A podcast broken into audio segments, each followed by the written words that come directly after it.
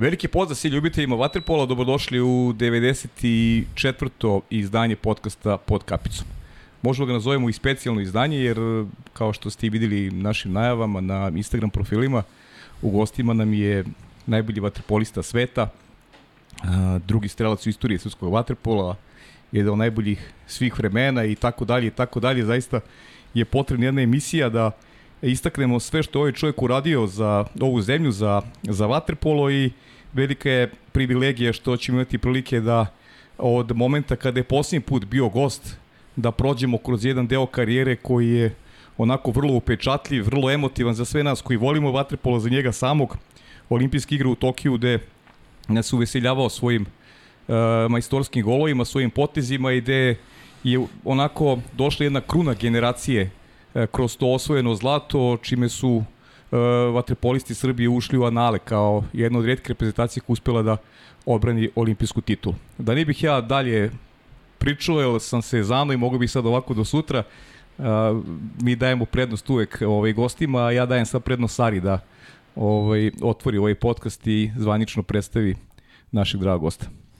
Zdravo Pavle, evo posle Zdravo, ovog e, tvog uvoda ne bih e, mnogo dužila. Sa nama u studiju na kraju univerzuma je jedan od najboljih svih vremena, neko ko je osvojio čak dva olimpijska zlata i mislim da je već svima jasno da je u pitanju Filip Filipović.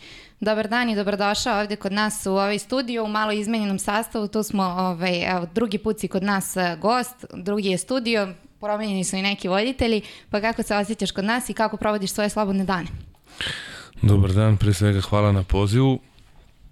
Pa ovi penzionerski dani, ako tako mogu da ih nazovem, sve su samo naravno nisu to, ali slobodni dani, pogotovo sad ovaj period e, za vreme svetskog prvenstva, e, pratimo dešavanja, e, aktuelnosti i eto pokušamo da da ostanemo i dalje u koraku sa, sa današnjim vaterpolom. Ne mogu kažem prijem i zaista s jedne strane mislim da smo stvarno u pravom trenutku ostavili e, reprezentativnu kapicu i ne osjećam zaista ni, ni jedan, hajde kažemo tako, poriv ili zarez koji me vuče ka, ka bazenu u ovom trenutku. Ono što mi je zaista drago što imam priliku da, da gledam ove momke i ovu, ajde kažemo, novu, novu generaciju možda za ljude koje ne prate toliko vaterpolo, to su naši momci koji su već dugi niz godina uh, u reprezentaciji na jedan ili drugi način. Sada su oni glavni akteri i na njima, na njima definitivno svet ostaje. A kaži mi, Fiću, kako se osjećaš kao, ne znam, evo, gledaš svetsko prvenstvo, koliko je prošlo kad si imao letnji odmor? Ima nekih, pa ima, ima nekih 20 godina, ima? Pa tako nešto, 20 i... I kus. Konkretno, ja mislim da je 2000-ta bila poslednja godina kada sam otišao na odmor, mislim kada sam imao mhm. letovanje. Uh -huh. Pravo letovanje, ovo što ove ljudi nazivaju ove, od 2-3 meseca. Mislim da već od 2001. godine smo počeli sa, sa intenzivnim pripremama, što u junijskim reprezentacijama. Kroz ove mlađe kategorije uvek sam igrao za nekoliko ove, generacija, tako da slobodno leto zaista, evo, ovo je možda i prvo. Uh mhm. -huh. Znam da si bio u Segi, da ćeš i u Barcelonu, pa kako ti izgleda, da kažem, ajde, ta, ta smena generacije, da, rekao si da je, da je u Budimpeštu vidim jednom Barcelonu. Uh, video, video si, mislim, kako ti izgleda, kaži mi, kako ti izgleda i momak sa brojem 10? Ti neobično vidiš desetku na... na... ne, ne, apsolutno. Ovaj, znam da, pa, ajde kažemo, ne bih volao da bilo kakav teret stavljamo Naravno. ne samo na Marka, nego na na bilo koga od ovih momaka. Ono što sam spomenuo još nakon samog Tokija, da ovoj generaciji i momcima treba dati vreme. Uh mhm. -huh. I mislim da će oni kroz to neko određeno, određen vremenski period pokazati koliko vrede, a vrede ono što sam video zaista mnogo.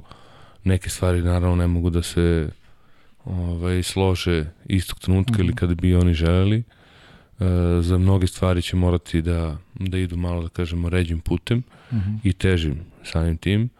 Tako da pitanje samo koliko se, koliko se budu davali, a ono što sam video jeste da momci jesu spremni da se daju do kraja i ja mislim da će to biti sasvim dovoljno.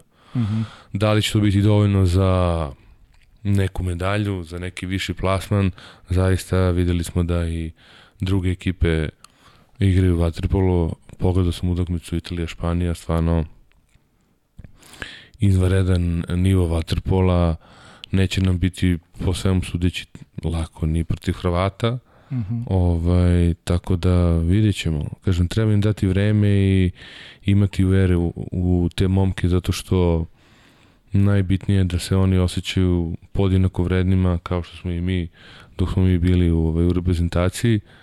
E, najveći pritisak definitivno imaju od e, vas medija i mhm. -huh. naravno od javnosti zato što uvek kad god spomenemo Waterpolo uvek se vezujemo svi za neke zlatne medalje, za najviše uspehe. E, ja kažem nije nemoguće e, sa predvođenim Dekin Savićem ja stvarno smatram da je sve moguće i da je sve u opticaju samo eto ovaj, uvek moramo da računamo da postoji neko sa druge strane mm. bazena koji isto toliko želi da pobedi ko, kao i mi vidjet ćemo ono što sam ja do sada video, zaista ima tu dosta stvari koje zbog koje se, smo se nervirali dok smo mi igrali, uh mhm. -huh. ali to je sas, sasvim sastavni deo ovaj, i nekog procesa podizanja forme i sve, tako da ja sam siguran da će biti, mislim, po Dekiju Saviću znam da četvrt finale se sprema već ovaj, da. duži period, tako da verujem, verujem u momke i verujem u sam uspeh.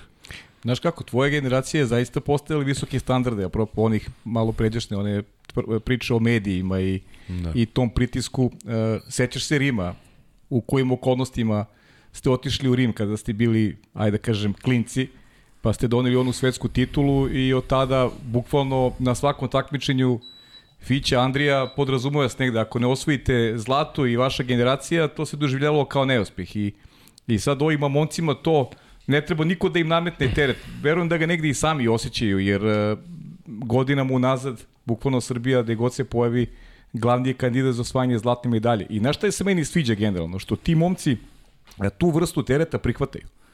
I to negde pokazuje da su oni od vas uh, pokušali makar da, da pokupe taj pobednički mentalitet i da, i da svesno su se stavili u poziciju da kaže, evo, sjedili su tu na tom mestu, da, mi idemo na svetsko prvenstvo, idemo da osvojimo zlato, to je naš cilj. I mislim da je to dobar stav generalno.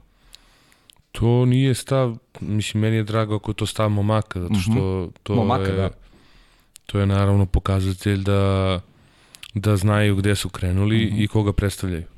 Ove, stav samog, same vaterpolo reprezentacije, govorimo i o senijskom, naravno i mlađim kategorijama, ali Naravno, mladima ne treba predstavljati toliki ovaj, teret i pritisak, ali sasvim je logično i sportski da ako već predstavljate vatran reprezentaciju Srbije, da kažete ono što bi se reklo glasno i jasno da je cilj osvajanje.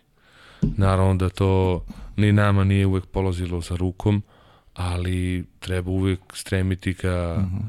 ka najvišim ciljevima i to treba biti ono, postaviti kao kao ovaj vrh neke piramide i sad uvek e, postoji mogućnost naravno i za ne neuspeh nego za poraz ali ono što smatram da je naša generacija u stvari najviše učila i najviše napredovala i najveće transformacije doživela upravo kroz te poraze. Uh mhm. -huh. Nije ih bilo malo, nije ih naravno bilo u odnosu na druge reprezentacije više, zato što stvarno uh, imamo jednu, imali smo jednu sjajnu generaciju koja je bukvalno osvojila sve što se može osvojiti i to nekoliko puta, ali nas su ti porazi, te lekcije su nas uh, najviše, ajde kažemo, predodredile za ovaj kasni uspeh. Uh. -huh. A kako ti već izgledaju drugi, pošto nije samo Srbija ostala bez kapitalaca u, u, u represivnom vaterpolu, i drugi su menjali. Kako ti izgledaju druge reprezentacije? Da li će Španija ostati možda i najveći rival, s da su oni možda i najmanje menjali? I kako ti generalno sad izgleda svetska, svetska cena sa strane kad, kad gledaš, pitom jako dobro poznaješ i sve te mladi igrači, igrao si sa njima, delio Megdan, imao si ih i zajedno u ekipi. Kako ceniš da će se odvijati taj proces da ne ide mnogo daleko do Pariza 2024. godine? Hoće iste zemlje ostati favorit ili se neka izdvaja možda po nekom kvalitetu ili činjenici da da je najmanje menjalo u odnosu na, na, na Tokio? Pa ovako, što se tiče samih, eh, ajde kažemo, uvek ne voli, nismo mi nikada gledali ovaj, drugi. drugi. I uvek smo se ravnali prema, prema samima, nama samima, ali e, definitivno da Španija po kvalitetu i po onome što pokazuju svake godine, njima uvek fali taj jedan stepenik. Uh mhm. -huh. S obzirom da znam kako rade i način na koji rade, smatram da oni taj stepenik će u jednom trenutku preći. Uh mhm. -huh. I to je jako, da kažem, opasno za nas i za ostale reprezentacije, zato što ono trenutka kada budu prešli, kada budu okusili ovaj, što se, kad pričamo već o osvajanju, taj ukus pobede, pobede trofeja, ovaj, mislim da će sigurno poželiti da ostanu. Oni još uvek za sada crpe svoju energiju i crpe taj neki motiv uh -huh. iz želje da se dokažu. Jer još uvek nisu osvojili ama baš ništa. Uh -huh. ovaj, a zaista jedna sjajna generacija predvođena naravno Filipeom koji je definitivno odlučio da će ostati tu koliko ovaj, vidim do, do, do Pariza. Tako da siguran sam da oni su jedni da kažemo od favorita. I za Italijane mogu da kažem svašta uh, jer ih dosta poznajem. Uh, uvek će biti nezgodni. Uh, koliko će zaista moći da da naprave nešto, to zavisi samo u tom trenutku od dana, jer oni su ekipa koji su pokazali da zaista ako su u formi, ako imaju svoj dan, redko koja ekipa može da im parira. Isto tako, ukoliko uh, pojedince poremeti neki moment, da zaista to je kao kula od karata padaju i bez obzira da je to neko čet finale, polufinale, to je to. Uh, Mađari su meni definitivno jedni od favorita zato što dugi niz godina su zajedno i smatram da rastu i sazrevaju kao tim. Uh, ok, ide im na ruku ovo svetsko prvenstvo se igra kod kuće, oni su zemlje vaterpola, zaista ljudi koji su uložili možda i najviše u posljednjih 10-15 godina i njima se to polako vraća i ne samo na ovom, da kažemo, i, e, igračkom, već i na organizacijalnom planu. E, Bićemo uskoro svedoci nekih novih, e, da kažemo, imena u svetu Waterpola, ali ajde to da sačekamo da se te stvari objave. Ove, što se tiče drugih ekipa, ja mislim da Grci, koliko god ja možda ovako sad e, subjektivno gledao, E, koliko god bili zreli za neki uspeh, mislim da teško da će uspeti da ponove, oni će morati zaista sigurno još jedno jedan po dva put da lupe glavom u zid, mm -hmm. ovaj, da se malo zapitaju, jer ovo, po ovome što sam video ove godine, kroz, kroz Olimpijakos, gde mahom dosta igrača su predstavljaju okosnicu reprezentacije, pitanje da li će da li su dovoljno motivisani da daju sebe i dalje ili su se zadovoljili ovim uspehom koji definitivno je najveći u istoriji igračkog vaterpola, a imaju zaista sjajnu, sjajnu generaciju. Mm. Imaju dobri klinci koji dolaze, tipa, ne znam, Kakaris koji je Jugu igrao fenomenalno. Tako da imaju, imaju i tu dopunsku selekciju negde koja, koja možda bude dobra. Što se tiče centarske te, ajde kažemo, centarskog para. Mislim da Kakaris i Nikolidis sigurno uz e, naše momke predstavljaju možda najdominantniji centarski par. Uh mhm.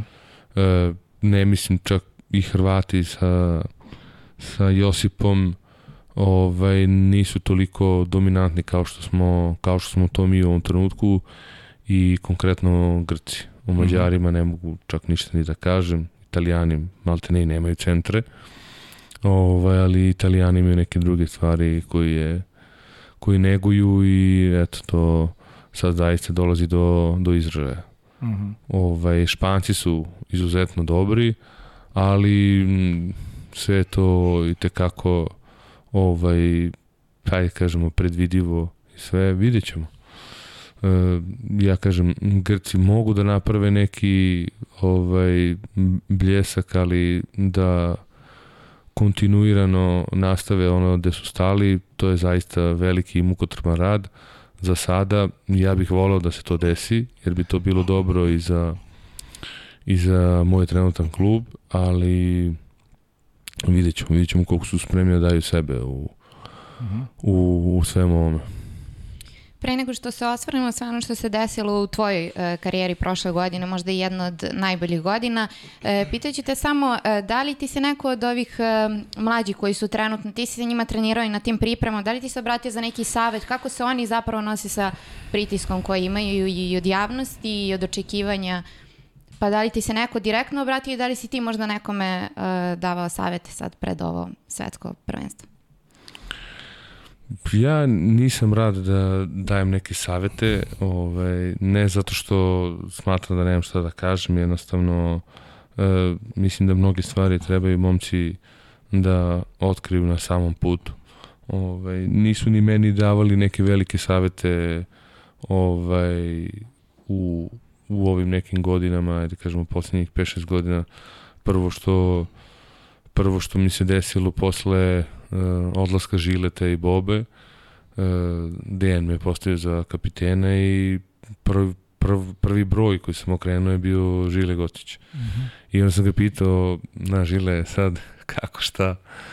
Ovaj, on kaže, Fićo, nemoj da brineš, to će se, sve će ti se samo kasni, samo lagano i meni je bilo bukvalno svaki minut proveden ovaj, tih prvih eh, nekoliko meseci ništa mi nije bilo lagano, sve sam primećivo i na sve sam reagovao. Onda jednostavno kroz neki vremenski period se ovaj, sve to zaista dođe na svoje i jednostavno samo treba naučiti kako ovaj, balansirati. Ne balansirati, tu nema balansiranja, tu su jednostavno neki određeni talasi, treba naučiti plivati, surfovati, mm -hmm.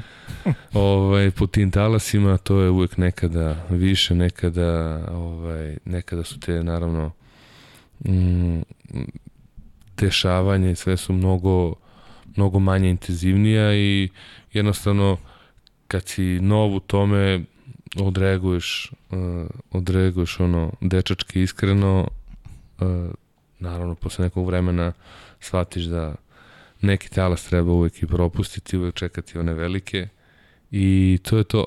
To je neki ovaj, moje sagledavanje, ajde kažemo, samog tog i apropo te priče, prva osoba koja mi se javila za savjet je Bane Mitrović. Ovaj, ali nismo hteli ništa da menjamo, ostavili smo tradiciju da, uh mhm. -huh. da spoznam sam, pa vidit ćemo kako će ga odnati. Svako je to, mislim, to je individualna stvar i svako sa, tim, sa tom ulogom mora se nosi onako kako je on vidi. Uh -huh. uh, ja mislim da Bane jeste prava osoba za to u ovom trenutku. Uh, mislim da sve ide kako treba. Što tiče ostalih momaka, naravno. Ovaj, čuli smo se sa nekima, ne, ne, ne pričamo sada za vreme svetskog, jer mislim da im treba mir, ne treba im saveti i, i ovaj, jednostavno te, ajde kažemo, reči koje će im samo pomutiti neko njihovo razmišljanje. Smatram da ih treba ostaviti na miru, da se koncentrišu u odnosu na protivnika, uvijek će imati podršku i energiju sa tribina od nas, a ono što sam napomenuo, zaista smatram da mnoge stvari i do mnogih odgovora treba da dođu sami. Uh -huh. Ajde, vraćamo se kasnije na, na te repestivne teme kada budemo malo iz tvog ugla se vratili u Tokio gde svi vrlo rado volimo da se vratimo. Uh, kaži mi, dotakoj se malo pre teme Olimpijakosa. Uh, negde pred početak sezone ili tokom sezone Lige šampiona, ovde u ovom studiju sam bio sklon tvrdnji ovaj, volao sam to da istaknem da Olimpijakos vidim kao glavnog favorita za osvajanje titule prvaka Evrope. To je bio neki moj pogled. Uh, šta se desilo, Fićeo? Uh, tim koji očigledno ima ogrom potencijal, rekao si, satkan od igrača koji su osvojili olimpijsko srebro, pritom ti si Novajlija, uh, momci koji su došli, koji su rani igrali za Olimpijakos, momci iz Hrvatske, e, zaista ste deli, delovali vrlo kompaktno i seća se one utakmice protiv Novog Beograda s početka sezone gde je onako jedna vrhunska predstava sa vaše strane, međutim, u jednom momentu ovaj, desilo se da je Olimpijakos pao. Zbog čega, ono što možeš da podeliš sa nama, pa ajde, neka, neka tvoja vizura uh, sezone Olimpijakosa, pre svega u Ligi šampiona. Pa nema tu, nema tu nikakvih, uh, nikakvih tajni. Smatram, ja sam to tvrdio i mogu sam, sa Todorom sam baš pričao uh mhm. -huh. na samom početku sezone, gde je on, upoznao sam ga kasnije, večiti optimista, ali mi smo jednostavno bili, ajde kažemo, igrački limitirana ekipa. Uh mhm. -huh. I imali smo zaista e, neverovatne pojedince, e, da ne spominjem sada imena, ali počeš od grčkih reprezentativaca, Marka, Andra, e, bio nam je tu i Đura Radović dok je bio. Uh mhm. -huh. e, zaista smatram da ovako po imenima nekome smo delovali kao velika ekipa. Međutim, znamo da tim čine upravo novi igrači koji, da kažemo, nisu pod navodnicama prve violine. I oni kroz sezonu, ajde kažemo, ponesu i najveći teret, da li to bio dobar ili loš rezultat, jednostavno oni su ti koji prave razliku. E, ja mislim da jednostavno nismo imali dovoljan broj igrača da iznesemo celu sezonu u ovom ritmu koji smo videli pogotovo na, na Final 8 da je to zaista bio impozantan i kvalitet vaterpola, ali i ritam kojim se igralo. E, mi zaista imamo, e, to je imali smo prošle godine svega desetak igrača, možda ni toliko, na koje smo mogli da računamo i od tih desetak e, već to smo imali dvojicu, trojicu koje su bila van što zbog covid što zbog nekih povreda, bolesti i onda jednostavno nismo mogli zaista da računamo nikada na kompletan sastav. Ovo protiv Novog Beograda zaista je bio podvig u smislu da protiv jednog mm, mm, kompletnog Novog Beograda mi jednostavno dođemo do po meni ubedljive pobede na kraju to rezultat nije bilo tako, ali ušli smo u četvrtinu sa 4-5 golova mm -hmm. prednosti. Ali eto, posložilo se, još uvijek su momci bili možda pod onom, da kažemo, nekom formom i nekim bazičnim delom priprema koji smo završili pre toga. E, puni smo pouzdanja, znali smo šta, šta radimo. Jednostavno kako smo se posle nove godine, bukvalno posle nove godine kako smo se skupili, tako su krenule i bili konačno kompletni. Tako smo mislili da će ovaj, igra Olimpijakosa biti sve bolje i bolja, bez obzira koliko se mi dali ovaj, samom, samo igri, samom treningu, posvećenosti i tako dalje. Jednostavno, to, to se nije ostvarilo, niti će se ikad ostvariti. Ukoliko m, želimo da budemo najbolji, morate dati celog sebe od početka do samog kraja i da se nadate da će to biti dovoljno za sam kraj. E, meni je bilo više nego jasno da e, neke situacije koje su nas dešavale su jednostavno bukvalno gledalo našeg i treninga i pristupa samom treningu, utakmicama i tako dalje i mislim da je najrealnije na kraju ispalo ovo. Ostaje naravno žal, pogotovo što smo malte ne godinu dana potrošili eto, da bismo saznali da ali mislim da se ne bismo proslavili ovde u Beogradu, iskreno. Aha, to se baš te ti pitam, da. Ne, ovde zaista ovaj kvalitet uh, koji sam imao prilike da vidim, stvarno još uvijek nismo na tom nivou, nadam se sledeće godine uz ovih par pojačanja da ćemo imati mm -hmm. zaista šansu da da pariramo ovim ovim ovaj velikim ekipama. Vidjet ćemo sad i u odnosu na trenera i sve, ali definitivno da svaka promena će doneti ovaj, neki pomak. Mm -hmm. Kaži mi, Vamoš je došao pa po Anastasiju, tako? Jeste. To što se zna ili, ili ima još neki novitete? Ima, došli su neki, sad vama sigurno nepoznati, mm -hmm. mislim i meni iskreno, mm -hmm. ovaj, neki klinci iz, iz Hanje, iz sjetit ću se, iz oh. Panioniosa, mm -hmm. ovaj, ali to, je, to su momci koji su, mislim, mahom dovedeni da bi igrali ovaj, grčko prvenstvo, da bi se rasteretili, da kažem, ovi ovaj, uslovno stariji igrači, mm -hmm. ne bili se oporavili za, ispremili za ove utakmice koje su bitne u Ligi šampiona. Mm -hmm. Ja bih uh, samo na trenutak skočila na stvari koje se dešavaju kod nas, eto s obzirom da je prošlo nekih više od godinu dana od uh, tvog posljednjeg gostovanja, dosta stvari se promenilo u, u srpskom vaterpolu. Kako ti gledaš na te stvari, eto i Novi Beograd, Radnički, imamo dosta tu klubova koji su sada konkurentni, mislim da situacija nikada nije bila bolja, pa evo i ti da nam prokomentariš stvari koje se dešavaju kod nas. Definitivno je tako.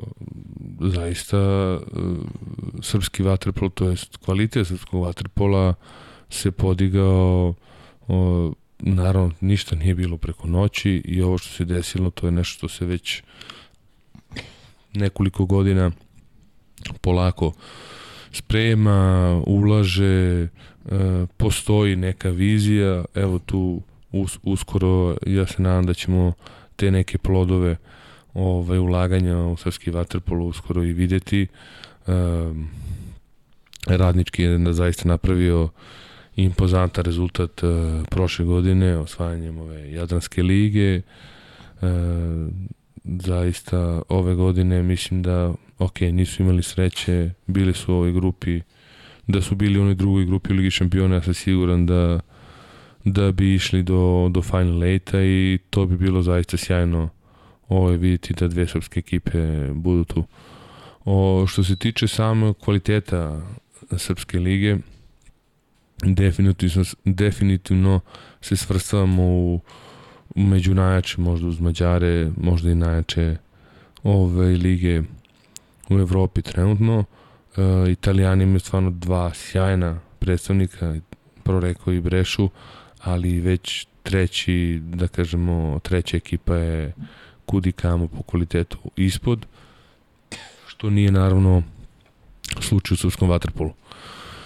Treba, treba podjednako naravno, ovaj, jer praktično i Radnički i Novi Beograd imaju jedan dobar, dobar zamajac, ali moram budemo svesni da bez Zvezde i Partizana uh, sigurno da jako, jake Zvezde i jako Partizana mislim da ovaj, ne samo srpski vaterpolo, već i srpski sport teško da da može da dobije na pravom kvalitetu.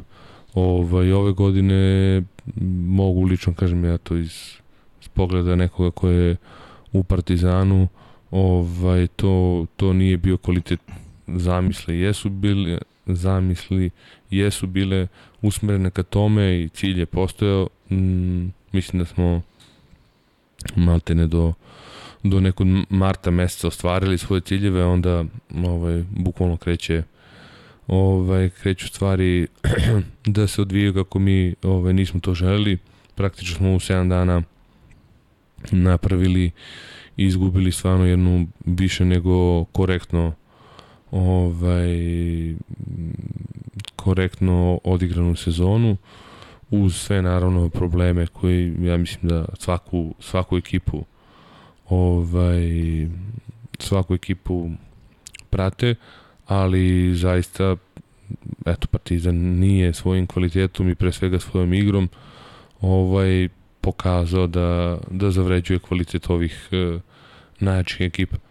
E, Zvezda takođe, naravno, s obzirom na ekipu koju su imali ciljeve, ovaj, tako da, eto, jednostavno treba malo ovaj, povesti računa više o tim stvarima.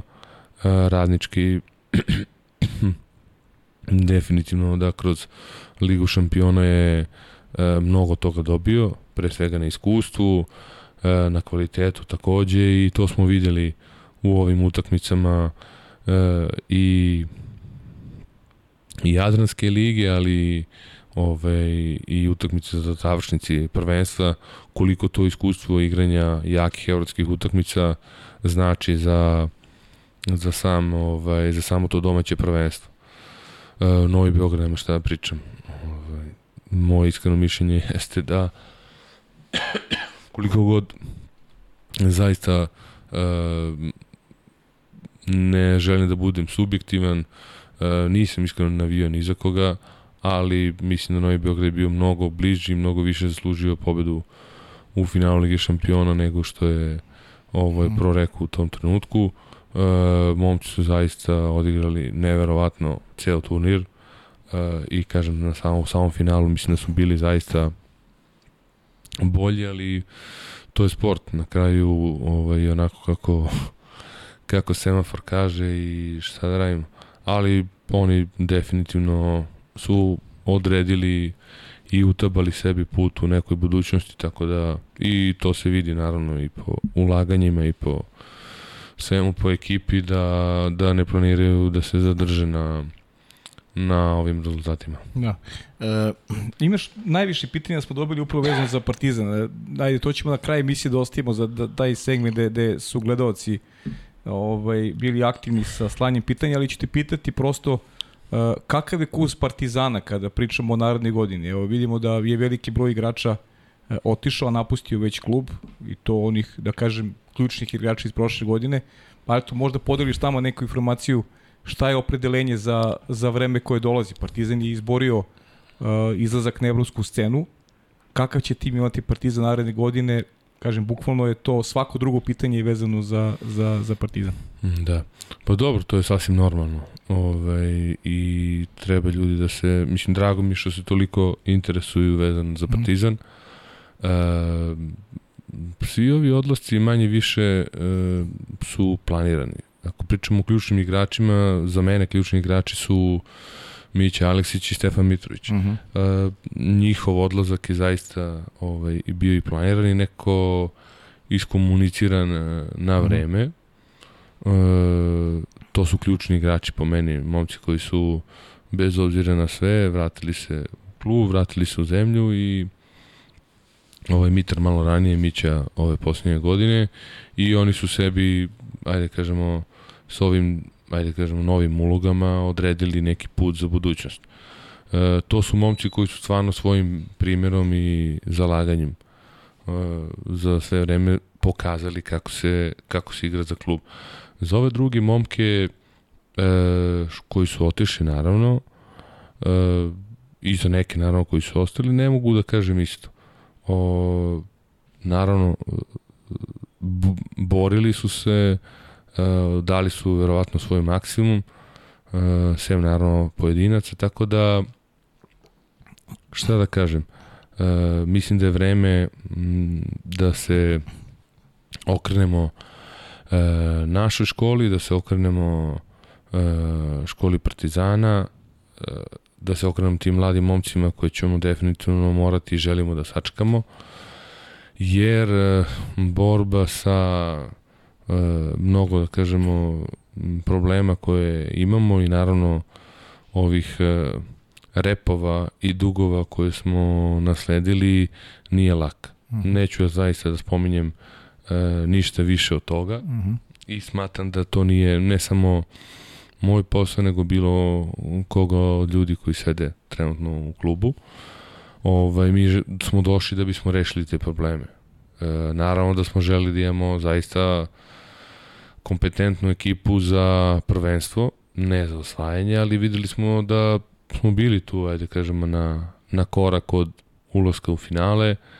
E, imali smo te dve utakmice sa, sa radničkim, nisu se ostvarile kako, kako smo, da kažemo, zamišljali i ja ne vidim tu nikakav neuspeh, nije nikakav sramota izgubiti od od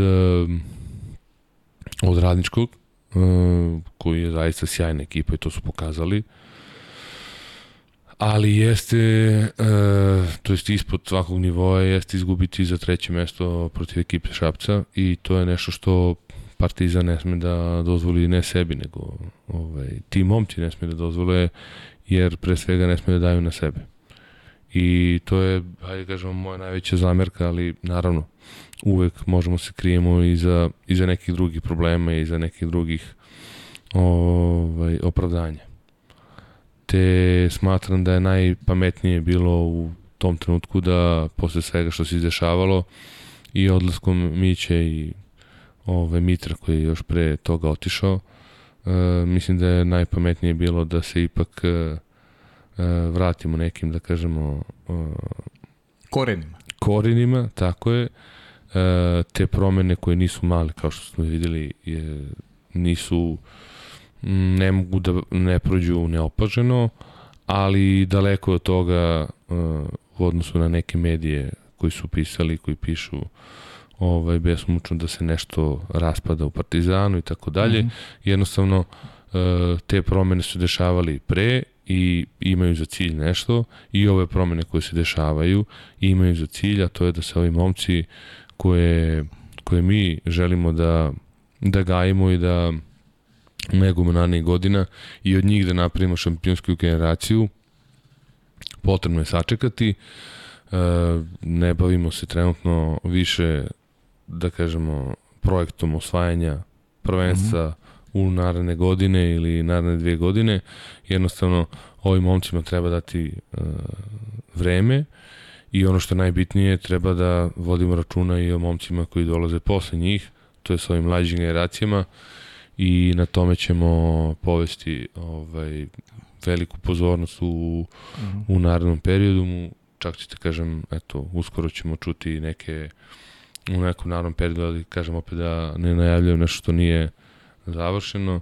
Biće tu nekih, uh, ajde da kažemo, promena uh, u organizaciji samih, da kažemo, tih mlađih kategorija, gde zaista smatram da da smo radili zaista kako treba, ali da tu može mnogo, mnogo bolje, iako ove godine smo završili praktično sva moguća prvenstva, e, momci su osvajali, mislim da smo samo u jednom, u jednoj generaciji ovaj, e, ispod 19 godina smo bili drugi, sve ostalo Partizan, mm -hmm. to je Banjica smo su osvajali ovaj, prvenstva, tako je. Tako da ne vidim šta je to toliko loše kada u mlađim generacijama ste toliko dominantni u da kažemo eto samom uh, ovom najelitnijem takmičenju Super ligi jeste, bili smo četvrti i smatram zaista to pre svega kao i svoj i neuspeh kluba i to treba jednostavno da zovemo takvim imenom, nema potrebe da se skrijemo iza nekih uh, okolnosti ili problema i tako dalje. Ne može da se izgubi protiv Šapca za treće mesto. Mislim, kao što sam napomenuo, e, ja kao igrač do pre par godina ovaj, u Partizanu samom nisam igrao nikada ni zbog e, para, ni zbog e, ne znam ja, igrao sam iz nekih kažem, ličnih ubeđenja i ta moja, to moje vaspitanje mi nikada nije dalo za pravo da dozvolim da recimo izgubim utakmicu, da pomislim da mogu da izgubim utakmicu od uh, neke ekipe koja jednostavno u tom trenutku m, je blizu od konkurentne. Uh mhm. -huh. Ali dobro, to je sve sport, treba prihvatiti rezultate kakvi jesu, uh, sagledat ćemo sve rezultate uskoro ovaj, i videti šta ćemo dalje. Uh mhm. -huh. Ali definitivno kurs je Saroka ovaj, polaganju svih e, nada u, u mlađe i pravljenje, da kažemo, prostor njima i otvarivanje svih mogućih uslova za njih da nesmetano se razvijaju i da kroz nekoliko godina zaista možemo da računamo na generaciju koja će da traje. Ovaj, dugi niz godina, ne ovako kao što smo napravili ovu ekipu koja je nemam, nemam ništa, mislim da je bila sjajna ekipa i samim dološkom uh, Miloša Lovrea zaista ovaj smo dobili dosta na kvalitetu iako tu ima naravno oprečnih mišljenja. Dečko je zaista pokazao kako se zaista igra ovaj, za bilo koji klub i po meni Miloš može da igra bukvalno u bilo kojoj ekipi ja bih volio da ga vidim u svojoj ekipi gde god igrao A šta je sa, ajde sad, ima još dve stvari koje se dovezuju na temu, a samo da ih ne zaborim. Partizan e, u Evropi, se to dešava sledeće sezoni ili ne? I kad si već pomenuo Lovrea, da li, da li on ostaje i da li će ti momci o kojima si pričao, znaš i sam koliko je bitno da, da ti mladi momci imaju nekog starijeg u sebe, lakše će im biti da, da stasaju, da imaju neke momke koji će da preuzmu odgovornost, da ih upute kako treba da se ponašaju i da igraju, ili će imati Partizan nekog tog, da kažem, iskusnijeg igrača koji će bude predvodnik tog, tog mlađeg talasa i kažem ti to igranje u Evropi, da li će Partizan uzeti učešće u, u, u Evropskom kupu? E,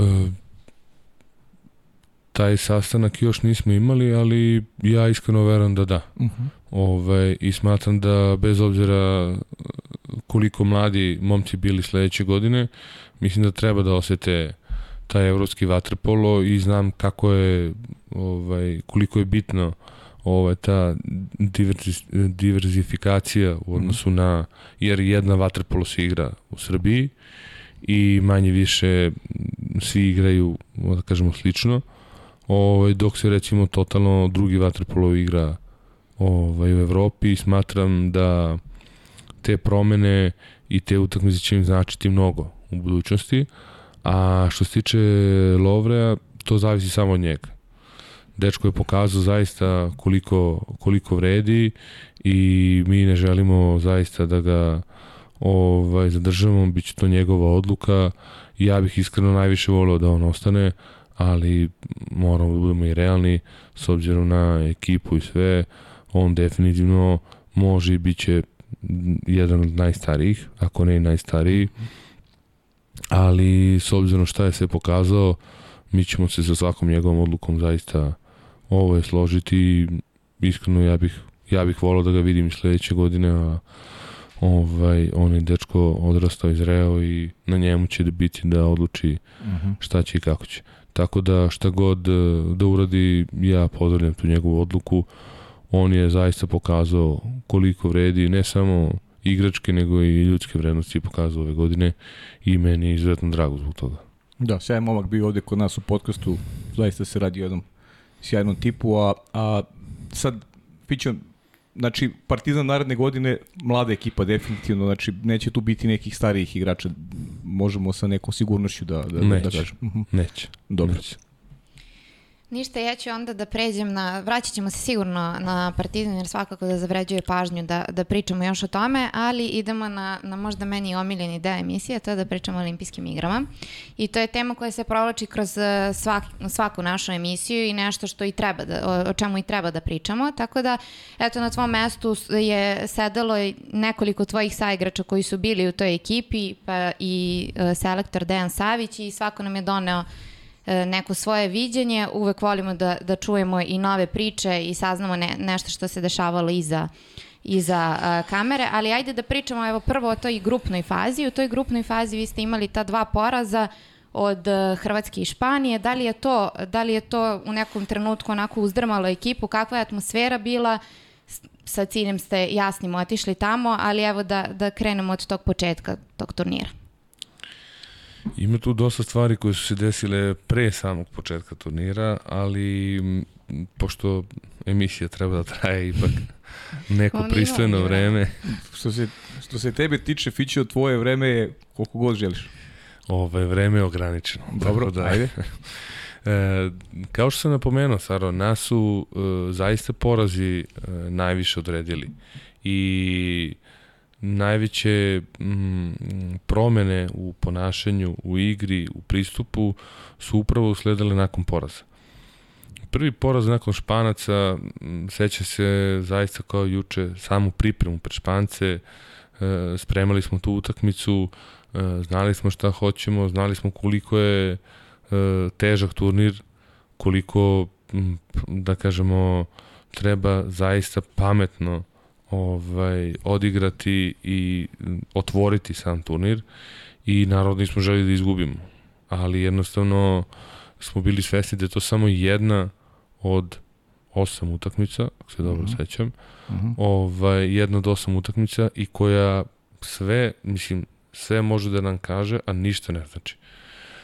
I da smo pobedili tu utakmicu, mislim da ništa ne bismo ovaj, uradili eh, na tom turniru, uh, jer to je, kažem, kao što sam rekao, samo jedna utakmica koja nam je, hajde kažemo, ne kažemo, otvorila oči. Ali s obzirom način na koji smo igrali, kako smo greške pravili, koliko nismo mogli da se ovako snađemo, to je da, bili smo nesnađeni. Ove, i greške koje smo pravili, e, na samoj analizi te utakmice smo ovaj, uvidjeli dosta, dosta stvari koje nemaju veze sa, sa kažemo time da li nešto znamo, ne znamo, mhm. -huh. već jednostavno e, stvar je bila fokusa i stvar je bila jednostavno opredeljenosti šta ćemo. E, odmah, od, nakon toga usledila e, Australija, Australija da. koju smo, ja mislim, pa tom odbranom, jer ja uvek spominjem da odbrana tako je dobija. Mhm. -huh. Napad je više stvar kreativnosti uh -huh. i mhm. možda čak i dana ovaj, u odnosu na pojedince, ali sa, sve po meni dan danas polazi iz odbrane. Uspeli smo u tome i onda ovaj, posle eto, ovih uh, mislim ja, ja ne mu kažem zaista neočekivano da recimo od Hrvata izgubimo takvu utakmicu gde je nas posle Hrvata ja sam lično o, ovaj, da se ne izražavam drugačije, ali eto, nisam, nisam bio svoj, nisam naravno ovaj, nisam teo da se da gubim, da kažemo, nadu i sve, ali sam video da, da je to bio trenutak kada treba reagovati, kada treba nešto da zaista ovaj, promenimo u našim razmišljanjima i to se i desilo. Mi smo se skupili, malo smo se ispričali, rekli smo šta smo imali. I... Ako iskreno, kao i uvek, jedni s drugim. Jeste, e, ona, da kažemo, najlepša stvar kod, e, kod nas, uopšte u reprezentaciji, e, nema nikakve veze sa ovom, da kažemo, starom generacijom, sa ovom šestoricom, sedmoricom, mhm. -huh. već uopšte ta atmosfera i energije koje jeste što uvek možete da skupite i uvek ako želite uh, možete iskreno da se ispričate. I to je zaista najlepša ovaj, stvar od svih, jer teško je opet biti 10, 12, 15 godina zajedno. E, mi smo, eto, ceo taj period zaista bili zajedno i praktično smo proveli više vremena, da kažemo nas, 13-orica, 15-orica, ne samo igrača, već i ovog stafa, ove, nego sa svojim porodicama. Više smo se poznavali malten između nego što smo poznavali on, mm. mislim, nije tako, ali nego što smo poznavali u kućane. da. Ove, tako da uvek e, taj razgovor pomaže. I naravno, svi su oni šampioni, e, svi imamo neki svoj ego, sujetu. Naravno. Treba jednostavno popričati, nekad malo otvoriti karte i reći neke stvari koje ne želimo svi da čujemo, ali koje jednostavno jesu takve. Tako da ono što je najlepše od svega jeste što smo se ispričali iskreno i rekli šta smo imali i zaista i u tom trenutku mislim da niko domaka nije ono gubio veru da će sve da bude kako treba. Protiv ta utakmica iskreno malo čudna jer je bila rešena bukvalno u prvoj četvrtini, mm. posle toga je bila samo ovaj, sama i suva rutina. Mislim da se Crnogorci nešto nisu preterano ovaj, zalagali, iako naravno to u priči posle ovaj, navodno nije tako, ali dobro. Oni su navodno izabrali Grke za protivnike. Da, da što je na, mislim, ono, sasvim legitimno, ali sport je to ovaj, i eto, to sve na kraju kraja vrati. Mm, sećamo se svi šta se desilo u Riju i sa onim, da kažemo, posljednjim kolom. Da, svi su nešto birali, ovaj, Srbija nikad nije bila. Jest, jest. Pa nemamo mi šta da biram, mislim, mm. uvek uh, treba da damo svoj maksimum, da li taj maksimum bio danas dovoljan za poraz od 3-4 gola razlike i to je okej. Okay. Mi smo izgubili od Hrvata, mislim da nikada ono, težu, da nas nikad lakše nisu dobili, da nikad teži poraz nismo imali od Hrvata nego na olimpijskim igrama. I opet ništa nije značilo, Hrvati otišli na Mađare i ono, dobili lekciju ovaj, vaterpola. O, a opet, eto, desilo se nismo, kažem, ni gledali toliko i tog protivnika u čast finalu. Mislim, daleko od toga nije bilo nije bilo lako igrati sa italijanima čast finale, boga mi. Da. Ajmo, sad ćemo trenima, nego, nego da ne zaborim, uh, gledajući, gledajući Tokio, ljudi iz Vatrepol, ono što, što je onako neka, neka i tebi ovaj, uh, ajde da kažem i počast tebi kao, kao i kapitenu i kao čoveku koji e, neverovatno kako e, ti ljudima deluješ u bazenu. Kao s godinama da si sve u boljoj formi.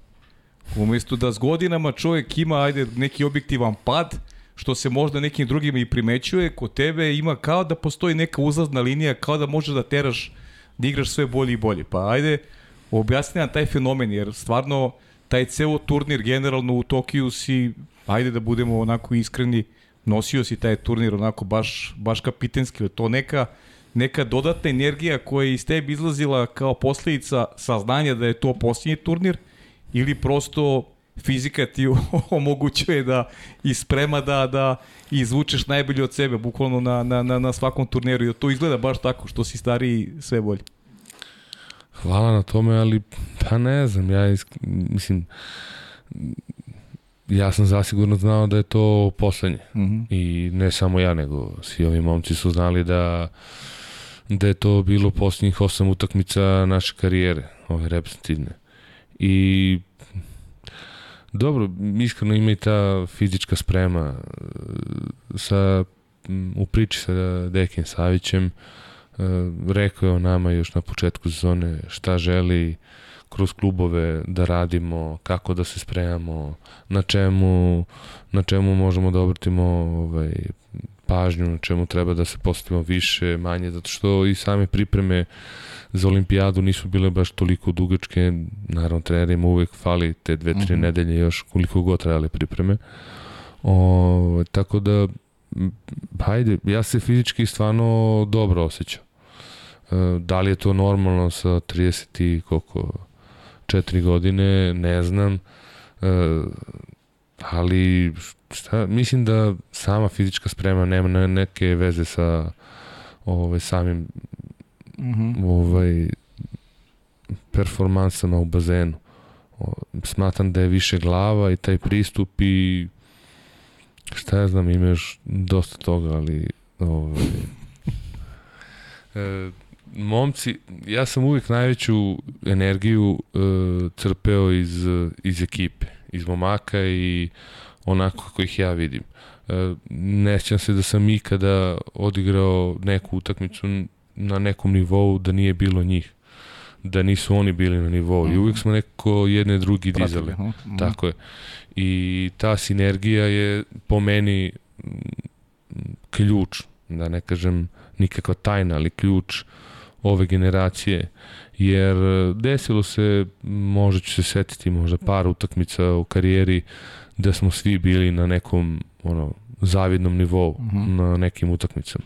Uglavnom je to bilo recimo četvorica, petorica, ove, koji su zaista bili u tad u piku, ovi ostali su bili uvek na nekom proseku ili možda mrvicu ispod, ali smo uvek jedne drugi dizale, dizali, pardon, mhm. -huh i niko se tu nije nešto preterano izdvajao ovaj, od pojedinaca, možda sećam se Andrija je nosio zaista sam par utakmica na svetskom u, u Budimpešti, to možda baš protiv Hrvata. Da, jeste. Polufinale, što zaista to redko kad se viđa. Uh. -huh. A, tako da, ne znam, možda, možda se potrefilo sve, meni jeste bilo po najviše stalo da, da kao ovaj, kapiten uradim nešto ovaj, sa ovom generacijom i e, mnogo smo imali i sastanaka i priči oko olimpijskih igara i, i kako sebe želimo da vidimo i fizički a i naravno ovaj, u bazenu i znali smo da kad smo završili Budimpeštu 2020. da smo uvijek e, ono bukvalno hiljadama kilometra daleko od tog zlata. I da za to zlato moramo da, da malo ovaj, sklonimo neku svoju sujetu sa strane i onako kako mi sami sebe vidimo. ovaj, treba stati uz ogledalo i pitati nekog sa strane kako zaista vidi tog. I mislim da smo to uradili, samo za to je potrebno bilo vreme. Desila se korona, mi smo bili stari godinu dana, ali smo imali tih godinu dana koji smo radili ne samo na nama samima, već i sa Dejanom. Mnoge stvari smo prošli, ono što mi se reklo, od nule i sve ostalo je, kažem, eto, istorija, ali meni je drago stvarno zato što nisam, sem na samom turniru, nikada, ne znam ni da sam pogledao to finale. Stvarno? Ne. Ovo, ovaj, jesam možda par minuta samo nekih, ali više me zanimalo neke druge stvari nego da ovaj, gledam i da se nešto divim. Ovo, ovaj, to je bilo, prošlo, završilo se kako treba. Ovo, najviše sam gledao, uvek sam gledao utakmice ove, koje smo gubili. Aha. Te utakmice sam gledao i analizirao i ne samo te utakmice, nego i prethodne šta je u stvari dovelo do toga. Na šta ja volim da pogledam, izvini što te prekidam. E, volim da pogledam proti Grka od 10-10 do kraja i meni je to negde siže vaše generacije. Pa, ima tu dosta stvari. Mislim, mi smo proti Grka ta utakmica trebala da se završi već u, da. u drugoj četvrtini. Zašto nije to to opet je i to je siže ove da. generacije. Da, da, da. Jer nikad recimo te stvari sa Mađarima nikad ne bi desile. Mađari jedan puta kada te otvore tu više zatvorili su. Tu više da, nema nema spasa. A mi jednostavno kao da se onako samo zadovoljavamo i to je to je, ne znam da li je to vezano samo za ovu generaciju, nadam se da, da jeste, da će, ove, da će ova nova biti kudi kamo ovaj, poput neke kaznene ekspedicije, uh, jer smatram da uvek treba ići do kraja i ne treba se osvrtati na trenutan rezultat. Doduše nama, nas uvek, da kažemo, više dizale ove, odizale ove utakmice gde smo ovaj, gubili, gde smo bili mm -hmm. u, u minus fazi, već ove, nego ove kada smo, ono, bukvalno, pa ja sad ne sjećam se da li po Grka bilo i 6-1 ili tako nešto. Pa 6-2 možda, 6-3, da. ali... E Ali ono od 10-10 do kraja je... E... Steče su ti se da, da, da ste mogli da ih držite bez gola još dva dana. Pa i, jeste. Mislim, opet, kažem, vratili su se i onda smo shvatili da nema to ove finale olimpijade, ja sećam, tu sam par puta što su se ne ljutili, ali sad, bože moj, ne. finale olimpijade, ove, par ovog Grka sad desilo se momena, situacija neka, e, zakačiš ih, udariš ih, naravno ne sa nekom namerom, ali ideš, ideš da odbraniš svoj gol, to ti je to ti je finale svega, finale je ono što bih rekao tog trenutka života. Tako da ovaj, znam da se ono, na konferenciji ovaj, Fontulis bio je ljut, nije teo se pozdravi, zato što smo imali taj neki fizički ovaj, kontakt i to mu se nije svidelo, pa su posle oni ovaj Papa Anastasija išli da traže pravdu, ali meni to bilo super, ja čim vidim da, da momci ulaze u, u tuču, znači da su oni mhm. kudi kamo van utakmice. da, da, da. Ovaj, tako da, drago mi je, stvarno, pre svega mi je drago zbog uh, i zbog ovih mlađih momaka, jer uh, ni oni nisu bili sigurni uh, možda u tom trenutku ili pre olimpijade E, koliko, koliko su stvarno vredni, koliko je ovo njihov moment, koliko plaši se, se u nekim tenucima u razgovoru sa nekim još mlađim koji su sada ovde u ekipi na svetskom, plašio sam se da možda ne čekaju da dođe njihovo vreme, ali sam im rekao da nema tu čekanja. Da. To je sada i nikad više. Rekao, nikad više neće igrati ni sa Prletom, ni sa Mitrom, ni sa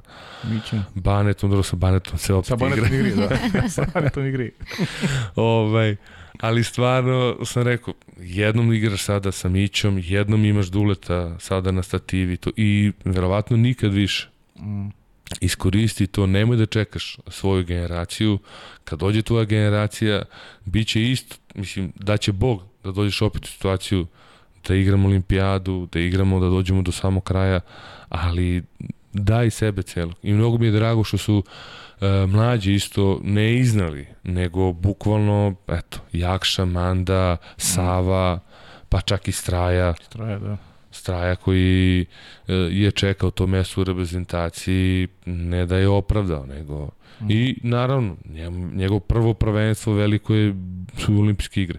Mm -hmm. To je kao da vam neko stavi ovako biblioteku na ramena i kao ajmo. Mm -hmm. Ove, ovaj, tako da dok se on nije opustio, dok nije ovaj, našao sebe, bilo je potrebno malo vreme, ali su stvarno, mlađi su izneli zaista jedan veliki, veliki, veliki deo tereta. Uh mhm. -huh. Mislim, mogli bi ovako do sutra, ali znam da moramo malo da, da, da, da skraćujemo vreme da ti počne da se znoji, što je, da. što je totalno ovaj, razumljivo. Baš ne, da, nerazumljivo za vaterpoliste. Za vaterpoliste. A slušaj, nešto ste da ti kažem, apropo one malo pređašne, kako, ne znam, ono dolazi nekad e, da i to siže generacije, da e, kada imate prednost pa i onda gubite, ali e, Znaš da vas drugi popuno drugačije doživljavaju? Ja se, uh, Boris Loković ovde sedeo sad, ako se ne varam, rekao mi je da, da mu strašno žao što recimo nije prošao Partizanovu školu, poput većine vas koji stigli ove generacije, jer kaže, oni kad te osete, oni te melju do kraja. Kaže, mi to recimo nemamo dole kao na moru, to jadro mi, mi povedemo pa se zadovoljimo negde. Oni popuno imaju drugačiju percepciju, da kažem vas koji ste u ovoj generaciji uh, da kažem, srpske reprezentacije, drugi vas doživljavaju, doživljavaju kao nemilosrdne, kao neke koji kad osete krp po znacima navoda da meljete do kraja.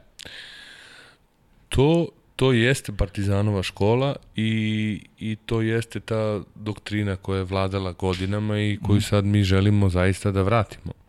Uh, imamo tu stvarno par sjajnih momaka koji neću da se osjećam previše na Partizan jer priče sad o reprezentaciji, da. o reprezentaciji ali to jeste, da kažemo, neka škola koju je 90% momaka iz mm reprezentacije prošlo kroz Partizan. I zato Partizan i jeste toliko vredan. Uh,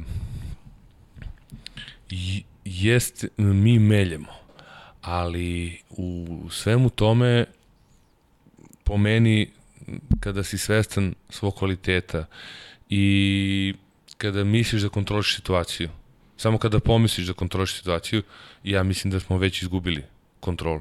Mm -hmm. I to se dešavalo. Kad god nismo razmišljali, kad god smo ono išli nekako sa ne pretrano iskustva, nego jednostavno fizički, da smo, da smo igrali, da nismo razmišljali, nismo gledali rezultat. Nama Dejan sto puta pričao, nemojte da mi gledate semafor. Bilo da je dobro, bilo da je loše. Nemojte da gledate semafor, samo igrate. Ali onda neki đavo nas uvek natera pa se okrenemo kao semaforu i vidimo to su neka 2, 3, 4 gola razlike što stvarno je ništa u današnjem vaterpolu. Mislim, e, jedna kontra, pogrešna odluka, sudijski tamo kontra faul, ovamo 2-0 kontra, ode sve i onda naravno treba to spašavati. Tako da ove, za nas bi najbolje bilo što se tiče ovaj, Srpske Tripolisa da da ako možemo da izbacimo taj semafor iz glave, nego jednostavno da igramo. Često puta smo se mi vraćali gledajući taj semafor, ali uh, ne mu kažem, ja mislim da, da taj deo je potreban još uvek da se da se nadogradi, da zaista srpska reprezentacija bez obzira na rezultat da igra. Da igra i da melje. Uh -huh. uh, to recimo zaista Mađari imaju oni kada krenu, kada ono, otvore, to je to. A onda njima i sve ulazi, onda im se opusti ruka i tako dalje.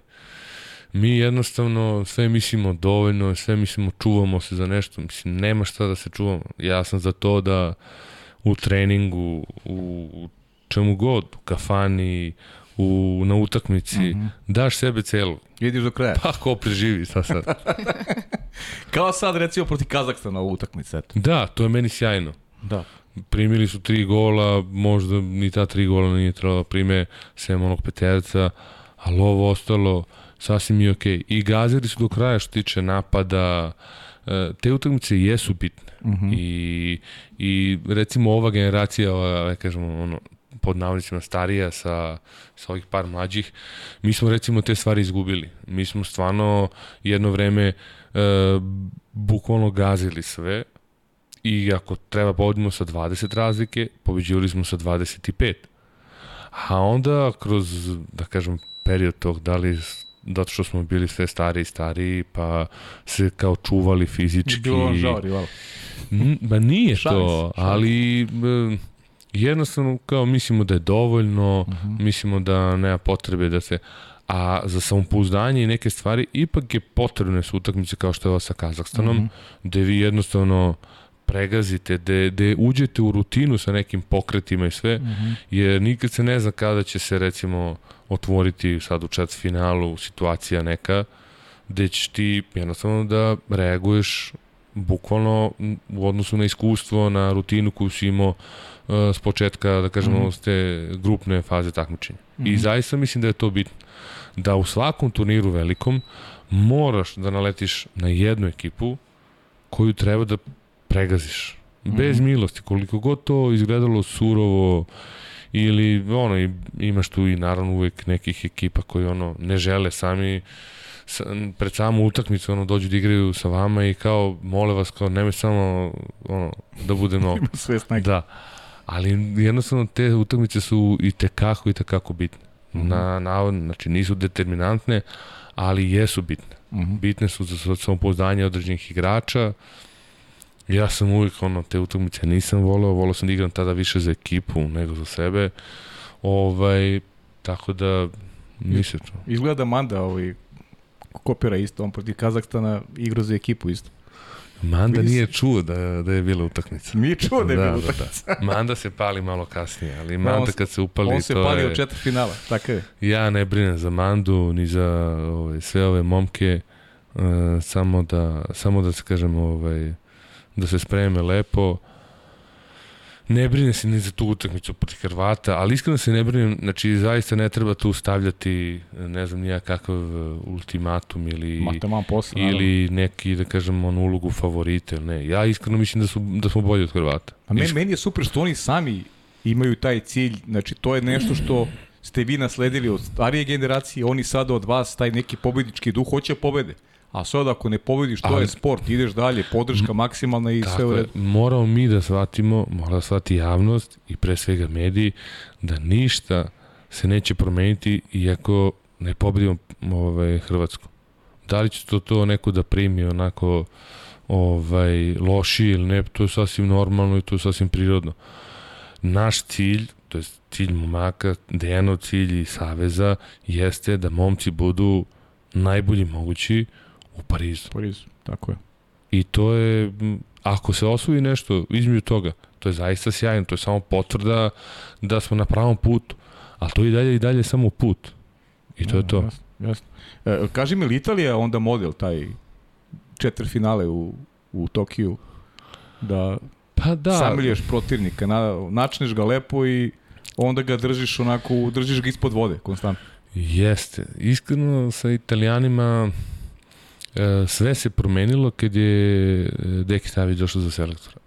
I Deki su italijani uvek bili ono rak rana, uh mhm. -huh. ali, ali nije se plašio da igra sa njima, znao je kako se igra s njima i spremao nas je ne samo taktički, on nas je psihički spremao. Uh mhm. -huh. Čak nas je nekoliko puta uh, bukvalno da bi nas iznervirao, da bi nas izveo iz sezone komfora, nas je vodio u Italiju da treniramo sa njima, da igramo utakmice. Da, da. Pa da, bili smo u u ovoj, kako se zove, pored uh, Fiumicina, Ostija. Uh mhm. -huh. ovaj, zloglašena Ostija, to je njihov uh, trening centar i tamo smo išli na bukvalno pod nož. Uh mhm. -huh. o, samo da bi nas psihički spremio za ono što će nas čekati uh, o, na samom turniru i eventualno u utakmici sa njima. I Dek je, mislim, on čovjek genijalac. On uvijek znao šta hoće od, da kažemo, određenog protivnika, od određenog treninga i tako dalje. Mhm. Da li uvijek uh, je dobio to što je hteo? Nije, ali znao je šta želi. Mhm. -huh. Tako je uvijek znao i recimo s italijanima bilo koji susret, da li su to pripreme, prijateljske utakmice, čak i susret ovako ovaj, neposredni, to smeškanje i to, on je uvijek znao šta želi.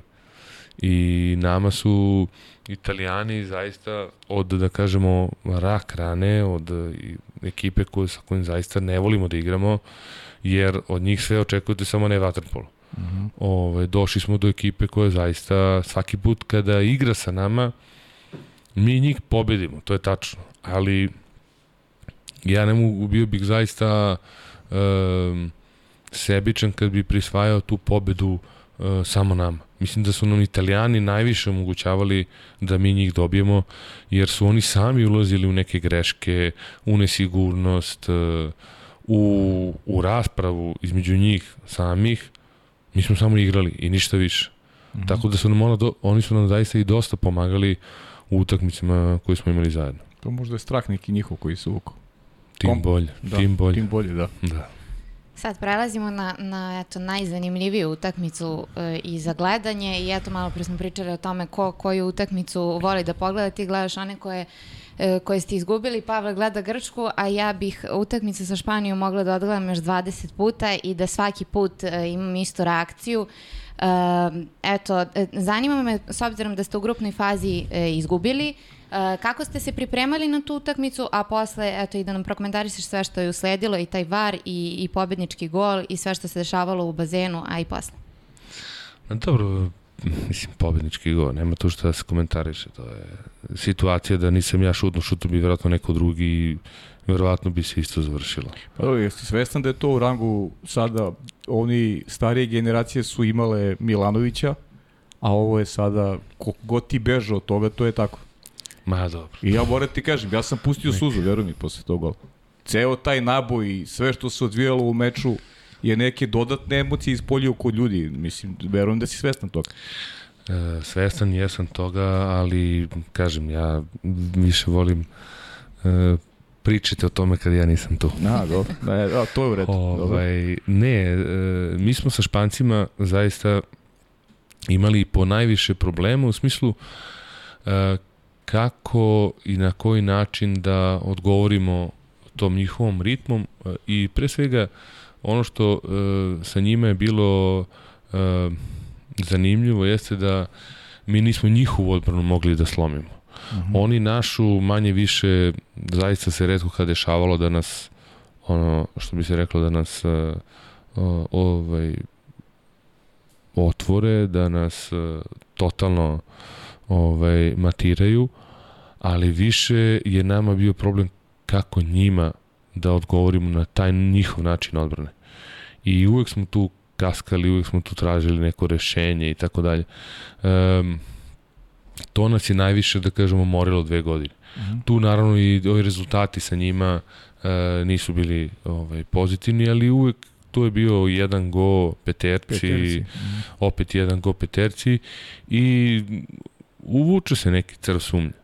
Ono što sam ja momcima sve vreme pokušavao da kažem, to je da ne treba da sumljamo u sebe. Ove, ovaj, jeste da neke stvari uh, se nisu odvajali, odvijali i završavale kako smo mi to zamišljali, ali ne znači da da ta utakmica, druga stvar, utakmica u grupi polufinale olimpijade, znači totalno ovaj, nema, nema, nema, nema dodirnih tačaka. Što bi rekli naša braća, niđe veze. Niđe veze. ovaj, tako da Dejan nas isto spremao do bukvalno poslednje akcije, taktičke zamisli, ali na kraju krajeva i on je rekao tu, tu mislim, taktika je jedno, ono što se bude pokazalo od prvog kontakta, od prvog starta i tako je bilo, zaista, ja mislim da utakmica je bila apsolutno apsolutno u našoj kontroli na samom početku. Mm -hmm. Znači, ja mislim da, da oni odavno nisu izgledali nemoćnije. Sam, sećam se sećam se Davidovih reakcija. Ovaj, Selektor, da, da, da. Uh, David je on totalno bio van sebe. Uh, mi smo, jeste to bilo 1-0, kako se sećam, ili 2-0, mislim 2-0. 2-0, da. 2-0, gde onda druga četvrtina počinje i da nas oni okreću na 4-2, Mm -hmm.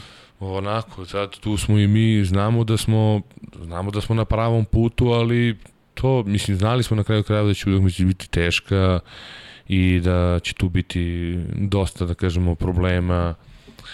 Ovo što Sara kaže, VAR, taj, to stvarno... Pa ne sa VAR, nego ja mislim da su oni prvi gol dali tako što smo krenuli u napad i, i, i sviranje faul bez lopte, tako da je onaj Del Toro ovaj dostao sam pred golom, tako neka priča. Da li su prvi gol maltene bez igre su dali, dobili su poklon, ajde, ja volim tako da kažem. Pa, još uvijek ima dosta poklona u Waterpolu i ovaj, to sve dok bude bilo tako, to nije dobro za sport, po meni. Mm. Ovaj, mislim, mi svaki, svaki go, svako isključenje što, što se nama dešava često, svaki go i svako isključenje moramo krvo da zaradimo, a onda nekad i našom greškom, ali često puta se desi i ovaj nekim drugim okolnostima primimo tako lake golove i ovo bukvalno kao što si rekao, bez, bez igre, bez mm -hmm. ičega. I onda smo u tu utakmicu ušli, opet se malo vraćali, uh, vraćali i onda kad, kad je bio taj go ovaj, koji je, mislim, totalni nonsens po meni da uh, VAR gleda samo sudija sa onim uh, čovekom iste, ispred tog VAR ekrana. Mm. Mislim, mhm. to je to, mislim, ne znam ni zašto postoji to onda i zašto je uvedeno u Waterpolu ako ne možemo, da. ako ne može da pogleda ovaj, publika, ako mi ne možemo pogledamo, mislim, i ovaj... A mi smo videli. Pa. I videli da nije gol. I, i to je u stvari Saro bio po meni odlučujući moment. Ne ovaj gol na kraju, to je bilo što je bilo, ali taj moment, ja mislim su tu i Španci pali. Jer oni su svesni bili da gola nije bilo. I oni su tada videli bes u nama i tu želju i tu odlučnost da, da taj dan se završava samo onako kako, kako mi odlučimo. I tako je i bilo. Mitrov go koji, da. ono, mislim, stvarno, ovaj, ne znam šta kažem, mislim, to je, uh, samo može govori o, o, o klasi i kvalitetu jednog, Mitrov, da. tako je. O, I sve ovo posle toga što se dešavalo, zaista Manda koji je ono, dobio takav naboj uh, energije i da li je to taj bes iz njega mm. proradio i, i inat da nema šanse da pusti nikome da ono, na pravdi Boga ovaj, taj dan odnese pobedu. Ja sećam ko juče neki naš pozdrav posle same utakmice, on je mene stegao, ja sam mislio da me polomio u tom trenutku.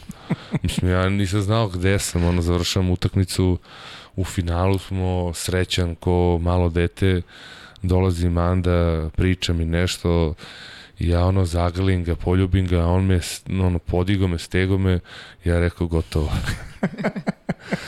I, i, I uvek ću pamtiti ovaj njegov onaj intervju da, da, da. Ispred ekrana kada je kada je pričao o, o pravdi i o nepravdi. Mm -hmm. Tako da ovaj, to je to je po meni prelomni moment. I to je do, do tada mogle utakmice završi ovako i onako. Ja iskreno mislim da smo bili mnogo uh, taktički i psihološki smo bili pripremljeni od njih. Uh, mi smo, ajde kažemo, već imali situaciju da smo gubili od njih i tako dalje. Oni nisu.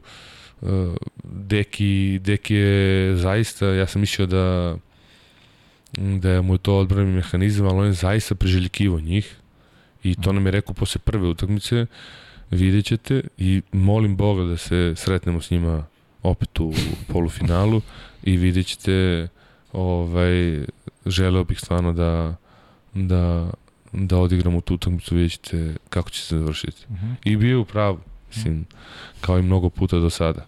Uh mhm. -huh. Tako da... A šta je, šta je priča Deki ovde sad... Uh, E, si tražio izmenu neku? Nis. Ili, ili ovo nešto razmišljao? Šta je bilo? I šta si ti razmišljao o, o momentu kada si krenuo sa loptom? E, ili si znao već tada da ćeš da šutiraš ili se to prosto e, kako se akcija odvijala pa i, i, i onda si negde u nekom momentu došao do toga da ja ovo završam? Uh, ovako, nisam tražio izmenu, Aha. Um, da li sam bio umoran, pa mislim da tad niko nije bio ovaj, neko sa pulsem 60. da. Ali ne, nisam tražio izmenu, ne znam odakle mu to, a nisam siguran, ne znam da li su to možda izveli iz konteksta nešto, ovi naši, naše Aha. ove prelepa štampa, Aha. pa su oni to ove navodno izvukli iz uh mhm. -huh. ovaj, neku rečenicu, ali stvarno se ne sjećam da sam, pogotovo što redko kad smo mi ikada tražili izmenu uh -huh. u odlučujućim momentima, to je stvarno ovaj, kao da bežite od... Odgovornosti. Da. A ovaj, što se tiče same, samog tog napada i svega, uh, uvek tu treba naravno čekati do kraja da vidite šta će se desi tako dalje. Ja sam gledao kada smo išli gore, video sam da najviše što ovaj, ovaj sudijski ovaj, dvojac može da nam da, to je faul. Mm -hmm. Jedino što mi je bilo drago što je taj bek u stvari ovaj, Famera bio na meni i što sam znao napred da je on već u panici da će nešto da napravi, da će nešto se desi mm -hmm. i zato sam išao namerno na faul. Iskreno, kad sam već dobio faul, onda nije bilo nešto pretrano razmišljeno. Mislim, znao sam da ću da idem da šutnem sad. Mm -hmm. Ovo, kad bi sad ja zaista bio iskren do kraja, niti sam ja znao gde će ta lopta da prođe, niti sam, ja sam samo on, šutnu iz srca i eto tako je mm -hmm. tako se i završilo. Zaista pogotovo ti šutevi, mislim, to stvarno ovaj, u nekim trenucima naravno uvek treba da se gleda golman, da se gađa. Dođu ovako ono, momenti u karijeri, možda jednom u karijeri, nema tu gađanja, nema tu pretirano neke taktike, to je zna se kako ide. Znao sam ja da će taj Famera da, da se skloni tamo na stranu i tako dalje, ali posebno na snimku kad sam ja video da tu ima još jedan, drugi, treći, četiri blok, pa nisam ja ništa vidio. Prošle ko sve blokove. Ja sam samo priželjkivao da završi tamo gde je završila, a ovo ostalo to je sve... A Fićo nije bilo prvi put. Mm, da, pa dobro. Pre nego što, eto, pričali smo malo i toj utakmici sa Grčkom, ali pre te utakmice, eto, imamo taj gest Dejana Savića i te video poruke. Koliko je to, to vama bilo vetar u leđe za tu finalnu utakmicu? I koliko je bilo tih stvari koje ne znamo, u stvari, u toj saradnji sa, sa Dekijem s godinama? Očigledno se Deki trudi oko svakih detalja. I... Jeste. Uglavnom, što se tiče finala, e, to su bili uvek najkraći sastanci e, ja se ne sjećam da je ikada nešto preterano pričao o taktici mm -hmm. pred neka finala. Iskreno, skoro da ne pamtim. Možda nekih onako manjih turnira, da, ali ova velika finala, to smo završavali ono, 2-3 minuta, zagrlja i mm -hmm. to je mhm. to. Idemo. Ovaj, ovo nas je stvarno šokiralo. Mislim, meni je teško i da danas da pričam o tome, ali ovo nas je bukvalno moglo je na svaku stranu da ode. Mislim, to je bilo ja ne znam da li ko ostao normalan posle tog sastanka. Pa majke, mislim, mogo napravi karambol. Mm -hmm. to, rasplako je igrači, i stručni štab, sva sreća pa smo pešačili 45 minuta do tražići autobus pa smo se onako malo došli sebi, za malo zakasnili na utakmicu. Znači ima tu dosta detalja gde su, oni su bukvalno na finalni dan utakmice promenili taj ovaj, departure kao gate i mi smo ono, kao kao nesnađeni krenuli da tražimo gde je to i ono, još uvek smo svi brisali suze i sabirali utiske jer to je stvarno bilo ono upečatljivo, nije to mislim ne znam šta mu je to trebalo, ideja kao ideja je neviđena, ali mo, mislim zamolili smo ga nikad, više. nikad više. ovaj, ali dobro. E, imalo je, imalo je stvarno ovaj, ostavilo i ostaće upamćeno za ceo život. Ovaj, kažem, moglo se završi svakako. Znači, ja sećam šta ja sad nešto pričam momcima pred, pred finali, nešto se dogovaramo.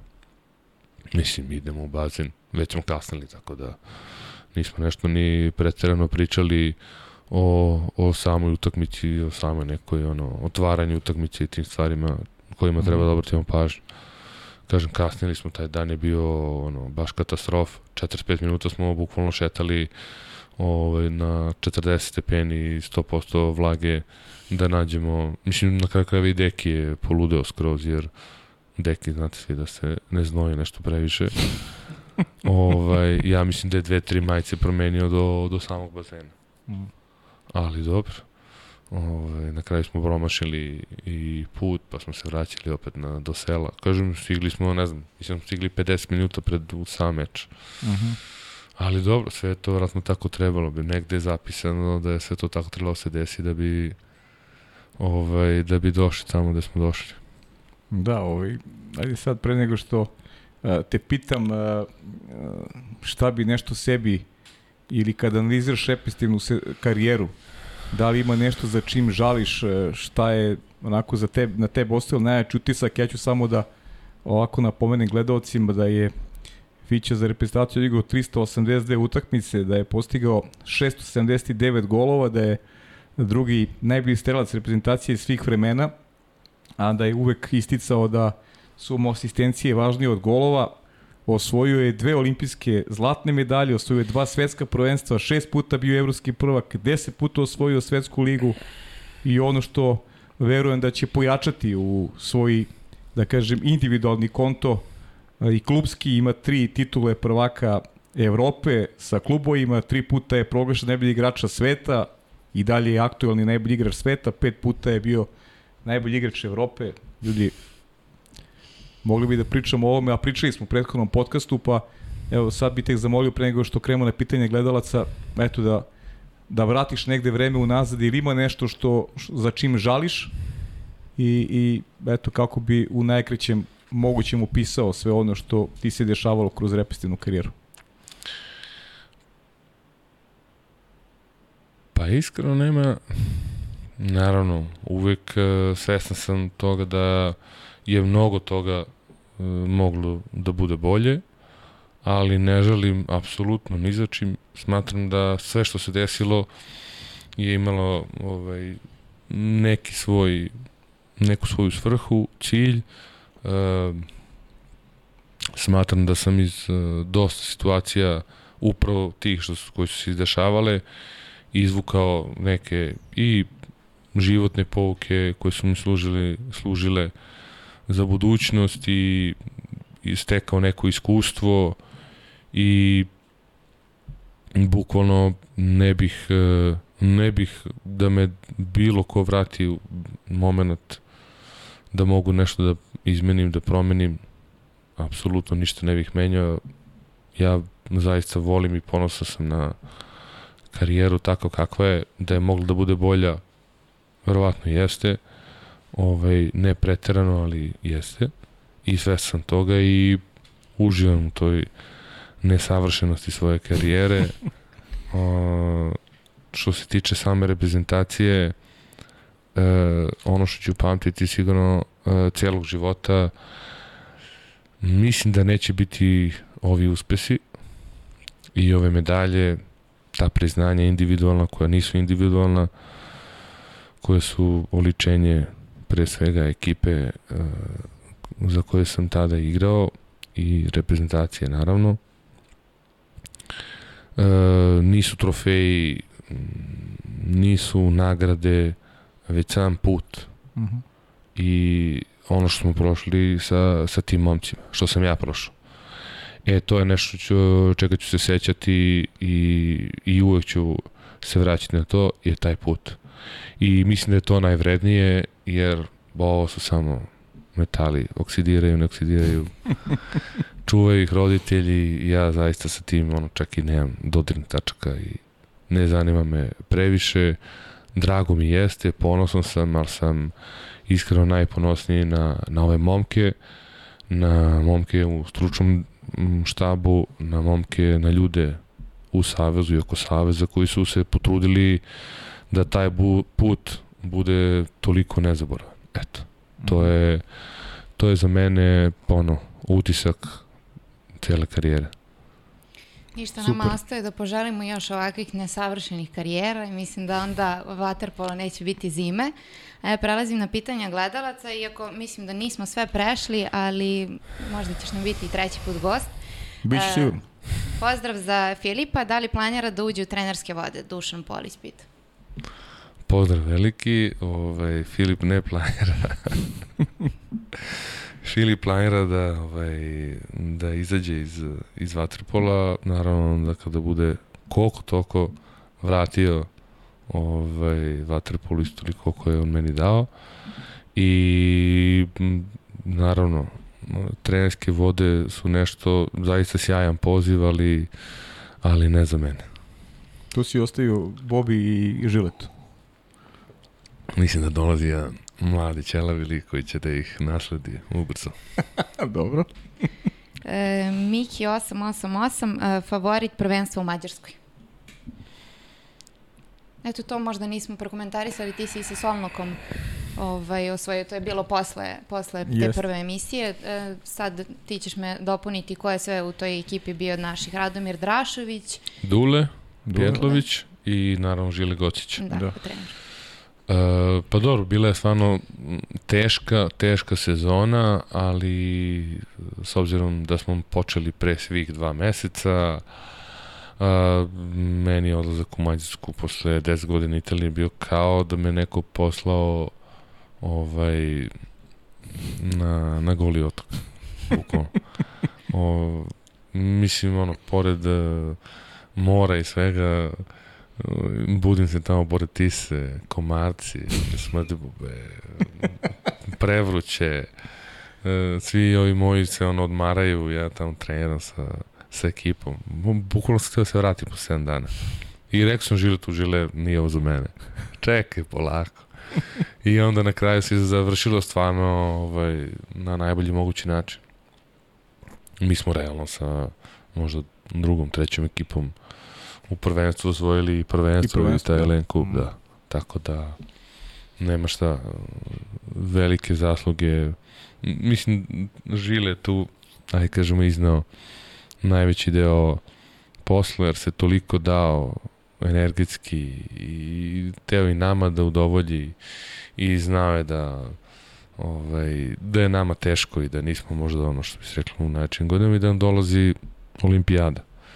I sve to izvući opet, pored svega toga, maksimum iz ekipe, iz momaka je bio zaista ono remek delo, on je, on je to ostvario. Tako da, nema šta, to je stvarno priča za sebe i sećam se tad jedno što se sećam, mislim jedino, sećam se mnogih momenta, ali kad smo došli u Solnog, naravno to je bilo, ne znam, koliko, tek onda shvatite koliko je vaterpolo popularan i, i tu je bilo ne znam koliko ekipa ovih televizijskih i pitaju svi kao koji su vaši ciljevi. Sad ja, ono, mislim, znam ljudi, ja sam došao ovde da probamo da osvojimo I rekao, jedino šta je za mene uspeh jeste osvajanje mađarskog prvenstva.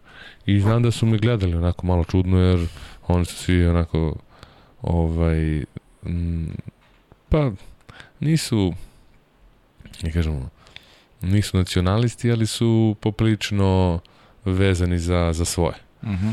ovaj, tako da, ništa, ja okay, moje da se nadamo, vi prenesite tako kako sam rekao, pošto je Žile prevodio. Uh mhm. -huh. I ništa, eto, na kraju se ispostavilo da smo zaista uspeli u svemu tome. A što tiče favorita za, za svetsko,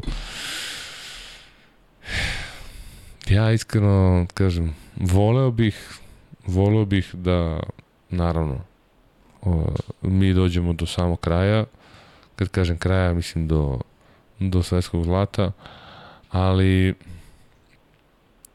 iskreno po prikazanoj igri smatram da smatram da su da smo Mađari mi Španci za sada jedni od mm. ovaj od tri favorita. Za nas, kažem, ne bi volao zaista da, da ih stavljamo ono, u prvi plan. Smatram da njihovo vreme tek dolazi, e, kvalitete imaju, mogu da pobede bukvalno bilo koga. E, Mađari, pa ne znam, oni kod kuće, kad je stani pani, ovo, vidjet ćemo šta će to da, da bude. Da. A Španci, zaista po ono prikazanom i svemu, smatram da imaju čemu da se nadaju, ali to je opet, kažem, njima uvijek fali taj jedan, jedan korak. Mm -hmm. Naravno, vratu će biti nešto četvrto. Ali dobro. dobro. Nisam neki ne, nećemo prognozer. Da dobro. Ima dosta pitanja, naravno, da li, da li planiraš da zaigraš za Partizan? Ja sam zaigrao za Partizan još pre pa, dve godine. Da, da, da, ali da se vratiš. Ali u nekoj drugoj ulozi, ne, ovo je definitivno moja posljednja sezona u karijeri, na, mislim na sledeću i planiram zaista da, da je završim u Olimpijakosu i da to bude to. A, ne znači, planiram više. To si, baš da. to te ti pitamo, nisam očekivao ovakav odgovor, pravo ti kažem. Da. Da, da se spremaš za kraj. Ne znam, ne znam šta treba da se desi. Tako da... priča Stefan Mitrović. Pa dobro, Stefan to priča 10 godina. Ne? Da. Nije baš relevantan primjer. Da. Mitar ostavlja od recimo od, od, od Rima od 2009. ostavlja, ostavlja karijeru. A, ne, mislim, iskreno ja sam razmišljao i posle Rija nešto da, Aha. mislim ne da ostavim uh, vaterpolo i reprezentaciju polako i da polako se spremam za nešto drugo. Zaista, mislim, ono, dosadio sam i pogoj narodu, ne može niko više da me gleda i... Ne, to nisi pravo. Šali se. Kako se ti osjećaš samo? Ja se osjećam dobro, što, naj, što je najlepše od svega, fizički se zaista, pogotovo recimo posljednje dva, tri meseca, ove prošle sezone sam se osjećao zaista sjajno. Trebalo mi je jedan, jedan duži vremenski period mm -hmm. da, da krenem opet da osjećam svoje telo, prelazak u Grčku, ona njihova kuhinja, znači to je mislim, fantazija, ali mm -hmm. to je mhm. katastrofa za jednog sportistu. Mislim, to je, mm -hmm. to je lepo da se dođe, par dana se vide, se ugosti neko, ali treba živeti tamo ono, cele godine.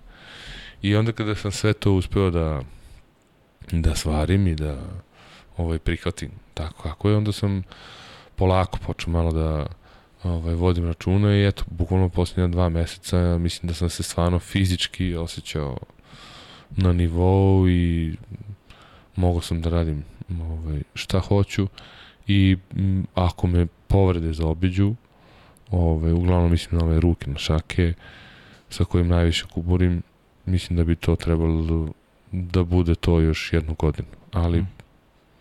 pa iskreno, više od toga treba dati priliku nekim mlađima i ja sam, kažem, ovaj, to odredio, mislim da će to zaista biti to, jer imam neke planove za budućnost ovaj, van, van sporta, tako da vidjet ću. Dobro, nećemo pričamo o tim planima. Neću. A kaži mi, postoji šansa da se predomisliš ili je to definitivno odluka? Ja, ja bih volio da verujem da je definitivna. Aha. U životu nikada ne treba nešto ovaj, Dobro. zakucavati. Jer obično se taj ovaj, čekić ili ekser se uvijek vrati. Jeste. Ovaj, tako da, kažem, volio bih zaista da, da se to i ostvari, jer mislim da je vreme. Ja iskreno osjećam da je vreme. Uh mhm. -huh. I najviše bih voleo da se, da se, da kažem, oprostim sa nekim uspehom. Vidjet ćemo da ćemo doći u priliku za to. Iskreno, ne znam šta da kažem. E, ima dosta faktora. Uh, zavisi dosta, sigurno sam i od mene, ali i od drugih momaka. Tako da šta god da bude, mislim da da je ovo definitivno posljednja sezona. Dobro. E, Marko Milikić, da li su se Fatović i Dobud izvinjali posle onih bokserskih udaraca? ovaj, i, pa znate kako, nema potrebe. A ovaj, ja sa Nikšom smo, Nikša i ja smo izuzetno dobri drugari. Uh, i družili smo se i pre i nastavili se družimo i kasnije i iskreno nikad nije, nikad ja njega nisam pitao ili, ili on da me recimo, da smo ikada zakačili više temu tog Eindhovena mm. i tog udarca to su jednostavno ono, momenti nemoći, naravno, ovaj, njihove nemoći i to je, mislim, i njima i tekako poznato i blisko ovog malog Fatovića ja iskreno skoro i da ne poznajem. Mislim, sretali smo se koliko puta ovako kroz prezentaciju, ali nikad se nismo družili ovako privatno. Znam, oca mu znam mnogo bolje. Da. Elvis uh -huh. je jedan sjajan, uh -huh. ne mhm. samo stručnjak, nego i osoba i u Australiji smo bili jedne godine i družili smo se jedan od uh, najharizmatičnijih osoba koje sam upoznao ovaj, od te starije generacije, Elvis je taj. Shvatam da sin ne može da bude baš toliko daleko, ali dobro, sad desilo šta se desilo, opet e, ostalo bi mi žao da, ali poravnali smo mi račune, naravno, ovaj, uvek kad se podvuče crta, gleda se neki viši rezultat, u tome smo, ovaj, ja mislim, i tekako, i tekako ovaj, vratili, tako da taj udarac ne boli toliko koliko ovaj, rezultat na kraju. Mm. E, Stefan Vraneš pita da li voli plivačke treninge. Da, da, eto. E, to je jedna od stvari koje stvarno bih voleo i koje će mi biti drago kada ostavim vaterpolo, to što stvarno neću morati više da plivam. To je, sto, meni sve mogu. U teretani bukvalno mogu da provedem uh, ceo dan. Poslednje vreme, mislim poslednjih par godina tu treniram sa jednim od naših najboljih trenera, uh, definitivno i zavoleo sam još više taj trening u teretani i sve sam koliko je bitan. Uh, naravno, rad sa loptom, taktika, sve može, plivanje kroz igru, sve može, ali suvoparno plivanje, to je kao, ne znam, najdosadniji i, i mislim, naravno, svrsishodan ovaj, deo treninga, ali to je meni toliko dosadno, toliko teško za glavu. Međutim, kako vreme prolazi, i kada vidim da, da se, da kažemo, radujem nekom plivačkom treningu, to znači da sam ušao sa glavom potpuno u ovaj, celu priču i onda mi je već donekle drago, ali mm. početak uh, sezone, onaj suvoparni treninzi gde vi znate da dolaziš na bazen, znaš da su to neka 3-4 km, šta god da je, i onda u toku sezone besomučno to ponavljanje, znači sve mogu samo I kažem, to je jedna, jedna od stvari koja će mi biti mnogo, mnogo drago kad budem ostavio Waterpolo. E, Jakov Štiklica, po tvojom mišljenju najbolji golman trenutno? E, pa iskreno, ja nemam mnogo e, nemam mnogo dilema, Bane sigurno i Marko Longo. Uh -huh.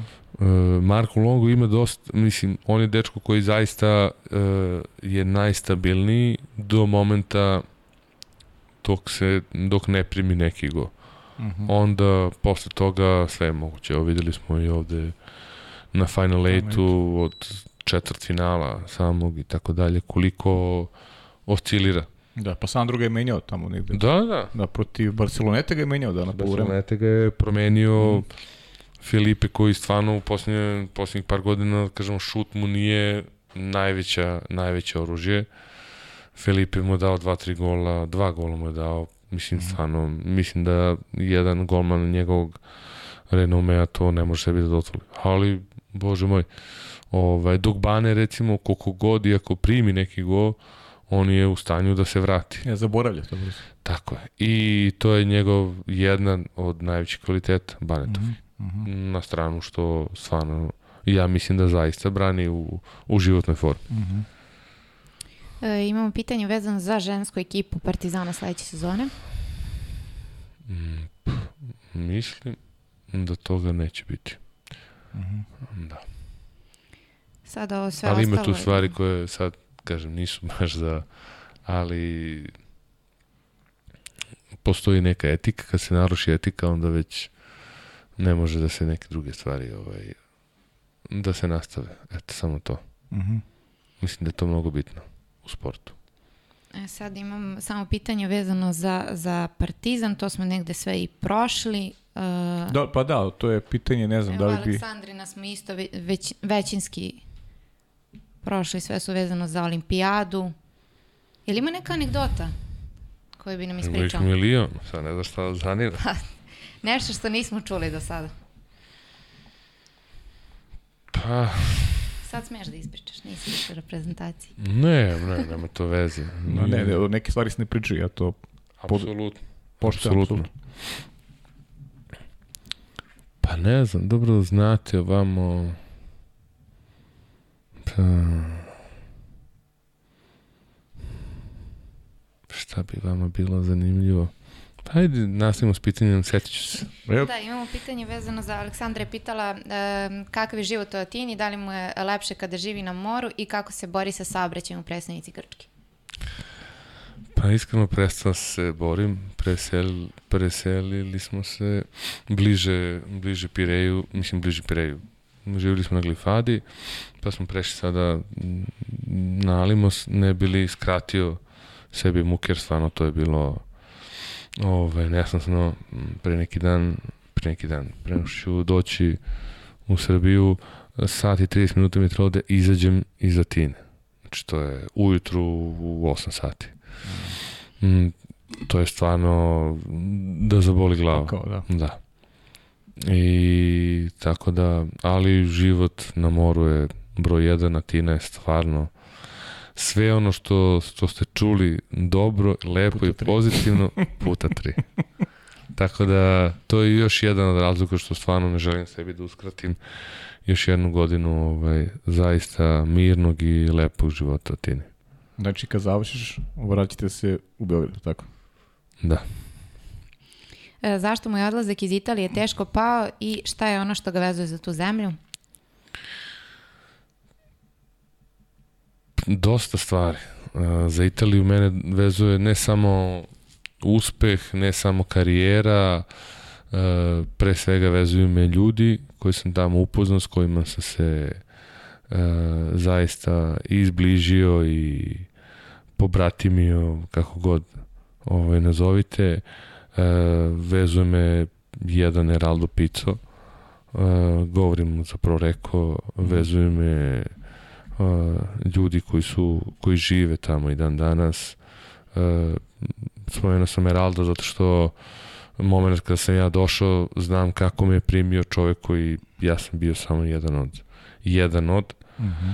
ovaj primio me i odnosio se sa prema meni kao prema svom unuku i ja sam ga tako i gledao iskreno ovaj to je moment kada ovaj, nisam više imao nijednog dedu i onda sam Eralda mm. gledao bukvalno kao kao svog trećeg deku i, i uvek smo imali taj neki odnos i mnogo mi je drago sad kada vidim sve ovo da je ovaj, da doživljava ove momente jer znam koliko živi Vatrpolo, znam koliko živi Proreko i koliko je ponosan zbog ovo, svih ovih uspeha. E, vezuju me naravno prijatelji, vezuju me način života, nešto sa čime sam se asimilirao ove, kroz sve godine provedene u Italiji i naravno mislim da sam tamo i kao osoba i kao igrač e, najviše sazreo i to je zemlja gde bih bez problema mogao da se vratim sutra i da da nastavim da živim. Mm -hmm. E, ima pitanje od Aleksandra, kaže zašto mu Dejan stavi savjetu da stane ispred ogledala i priča sa sobom i da li ga je poslušao? E, jesam, Dejanova velika stvar jeste što se sprema ne samo za sastanke, već i za javne nastupe, uh, pričajući sam, sam sa sobom, ispred ogledala, iako to deluje onako ovaj, možda čudno, ali to je jedan od najboljih mogućih priprema za javne nastupe i za uopšte uh, sastanke koje naravno održavate u interakciji sa drugim ljudima. Uh, mnogo je bitno način na koji kažete jednu informaciju, apsolutno drugačije zvuči ovaj, u odnosu na to kako je prenesete. Tako da to smo se dekim, pričali smo na tu temu nebrojeno puta i ona mi je otkrio na kraju krajeva kako se sprema ne samo za naše sastanke, ali i za ovaj, neke javne nastupe koji su sve, sve ovaj, učestali. Mm. I si za, ovaj saj, za sajt, pozdravljam Marka ovom prilikom, Total Waterpolo, što tu poredio sa Lebronom Jamesom, da uh, si ti ovaj, Waterpolo Lebron James sa 34 godine, si i dalje najbolji na svetu i igraš na, igraš na tom nivou. Hvala, pa nisam, iskreno nisam, ovaj, nisam to ispratio. Ne znam zašto taj Total Waterpolo, ne, apsolutno, mislim, pratim, ali mm. ne stižem iskreno previše da mm. ni ove socijalne mreže posećujem više, niti da, da to stalno ovaj, prelistavam i tako dalje, ali hvala lepo, to je stvarno velika stvar kada vas neko poredi sa, sa Lebronom, pre svega zbog uh, načina na koji on sebi produžio karijeru i načina na koji on je pokazao koliko je glazan i dalje želi da, da osvaja. Uh -huh. e, ajde da, da možda zatvorimo, mislim ima još pitanja, milion gledam, ali ajde da, da, da, da, da skraćujemo. E, sportski centar, šta misliš? Hoće, hoće to da se priča se o tome vaterpolo centar koji se najavljuje da će da će se ovaj otvoriti to je neka o, o, ono što mi je sjajno bilo kod vas kroz sve te godine rez, rezultata koje ste pravili, što ste stalno posticali na, na tu ideju, da, da se nešto promeni vezano za infrastrukturu, pa da li je konačno sazreo moment da, da Waterpolo da dobije svoju kuću? Mislim da je to neminovnost. To je definitivno odluka, odluka na, kažem, na nivou države jer je to investicija, projekat koji, je, koji nije jeftini, koji naravno Vatrpolo Savez ne može da iznese. E, ne živimo u, u, da kažemo, drugim, drugim zemljama gde su te stvari mogu, mogu da kažemo da, da se isprati iz nekih privatnih investicija. Nažalost, ovo je teška su vremena i e, smatram da država Srbija je jedina koja može to da, da ponese teret toga, opet e, to je izuzetno um, izuzetno mala, da se ne izrazim pogrešno, ali mala investicija u odnosu na ono što što naš sport može zaista da dobije, ne ono što on zaista zaslužuje. Mislim da zaslužujemo sad mogu da kažem, mislim da zaslužujemo mnogo više ali ono što, što je nama zaista neophodno u ovom trenutku, a to je da imamo jednu svoju bazu, svoj, um, svoj bazen gde ćemo moći apsolutno prva ekipa, reprezentacija, ali i sve mlađe kategorije i edukaciju trenera, što je izuzetno bitno da vršimo. Ja ne bežim od toga, to ne mora da bude zaista ni samo isključivo ono što bi se reklo bazen koji će da koriste samo vaterpolisti. Uh mhm. -huh. Ali iskreno kada delite sa nekim, onda uvijek postoje neki interes i uvijek tu dođe do nekih uh, ovaj, razmirica, tako da ipak za dobrobit našeg sporta ipak moramo gledamo sebe i da, da volimo sebe, da bi znali i druge da volimo da cenimo. Mislim da Waterpolo zasigurno uh, treba i neophodan mu je bazen da li u Beogradu ili negde van, ali naravno s obzirom da su ovaj, da se sve dešava ovde u Beogradu, negde uh, da li to zamišljeno da bude Novi Beograd ili gde već postoje da. neke uh mhm. -huh. projekti, da, smatram da, da, da nam je to potrebno da bismo ovaj, ubirali plodove za narednih 10-15 godina i da bi sport ostao na nivou ovom na kom je jeste sada, jer m, mora budemo i, i objektivni.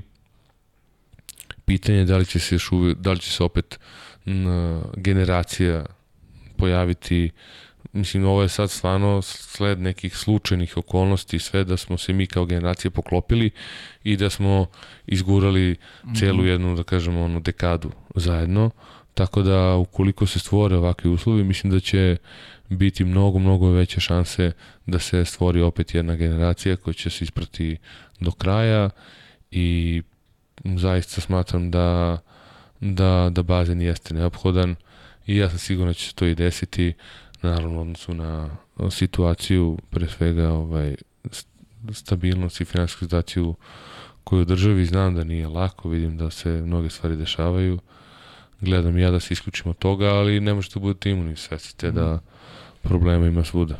Mm -hmm. E, ima si ovde poruka, dođe u Novi Beograd, dođe u Zvezdu, nismo ni čitali, mislim, e, poručuje si jasno svima šta su ti planovi ovaj, generalno, a i još jedno pitanje sam izdvojio ko meni je interesantno za kraj, pre nego što se ovako još pozdravimo i i porodicu, ti si u prošlom podcastu najavio Prinovu, tako da, mm, da. ovaj, podelio se s nami jednu lepu informaciju, ali ovo pitanje koje mi izdopalo, koliko je teško uspeti?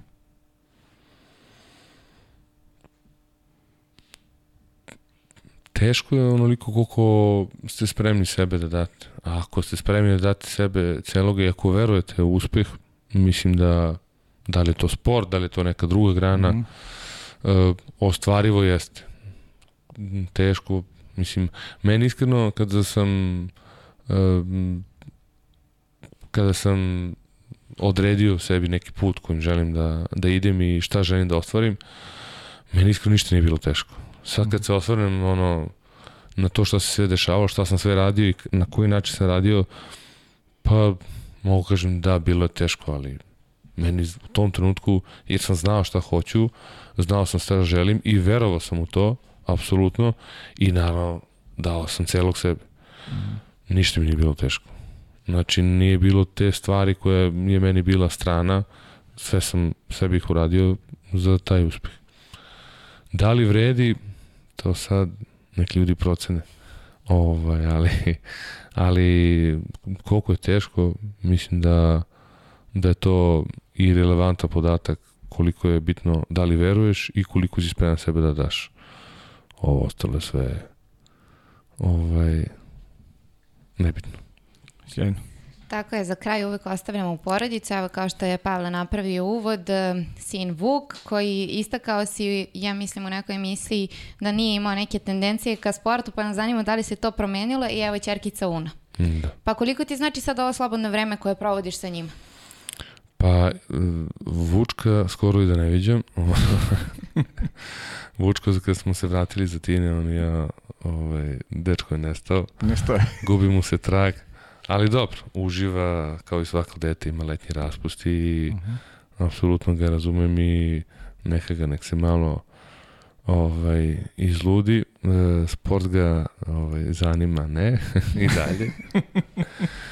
ovaj, juče iz, izrazio želju da, da igra da igra basketbol, što ide tamo u internacionalnu školu i onda i da i dalje opet meša srpske i, uh -huh. i mhm. ovaj, engleske termine i vidim da se malo, ali to će vjerojatno da ga, da ga drži par nedelja i to je to. Uh mhm. -huh. Vidjet ću, mislim da, da je on neka druga ovaj, duša, bitno je samo da, da neke druge stvari sam sebe, da osvešćuje kod sebe i da, da unapređuje na kraju krajeva, ja ću se potruditi da i njemu i uni pružim neko mirno i bezbežno detinstvo, A Una, ne, sa Unom provodim ceo dan, tako da ovaj, tu sam na...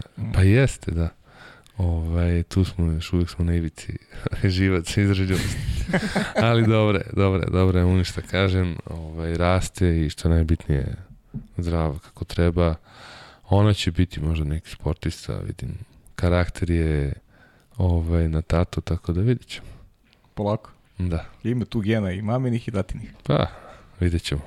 A kaži mi ovaj, kakav je plan Fićo? Sada ide Budimpešta, malo ćeš gledaš ovo svetsko prvenstvo i Pa da, idem, počinju pripreme vama. Idem da vidim, uh, pa moramo vidimo samo ko nam je trener, da, da, da, znamo s kim ćemo da, da pričamo o tome. Ja se iskreno nadam i želeo bih da, pošto ja već počeo da treniram, uh mhm. -huh. ovaj, imali smo, dao sam sebi tri nedelje pauze posle sezone i krenuo sam polako da treniram i mislim da je to sasvim okej. Okay -hmm. da spreman dočekam ovaj, i fizički i psihički da se ne ulenjim tamo septembar mesec i da počnemo novu sezonu.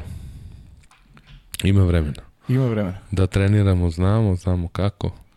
Slušaj, ostao si nam dužan ove anegdote, ali dobro, aj, to možemo i za neki, za neki sledeći put, ajde da te sada ne mučimo, pošto ovaj, dovoljno smo te... Pa ima, evo, sad nije, nije ovaj, što bi se reklo ovaj, sportski, etički, ali e, mi smo opet kao i prošlu olimpijadu imali smo svoju tu ovaj, sobu za druženje uh mhm. -huh.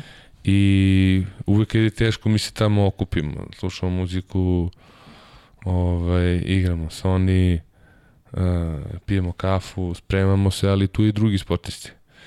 I tu su i drugi sportisti bili.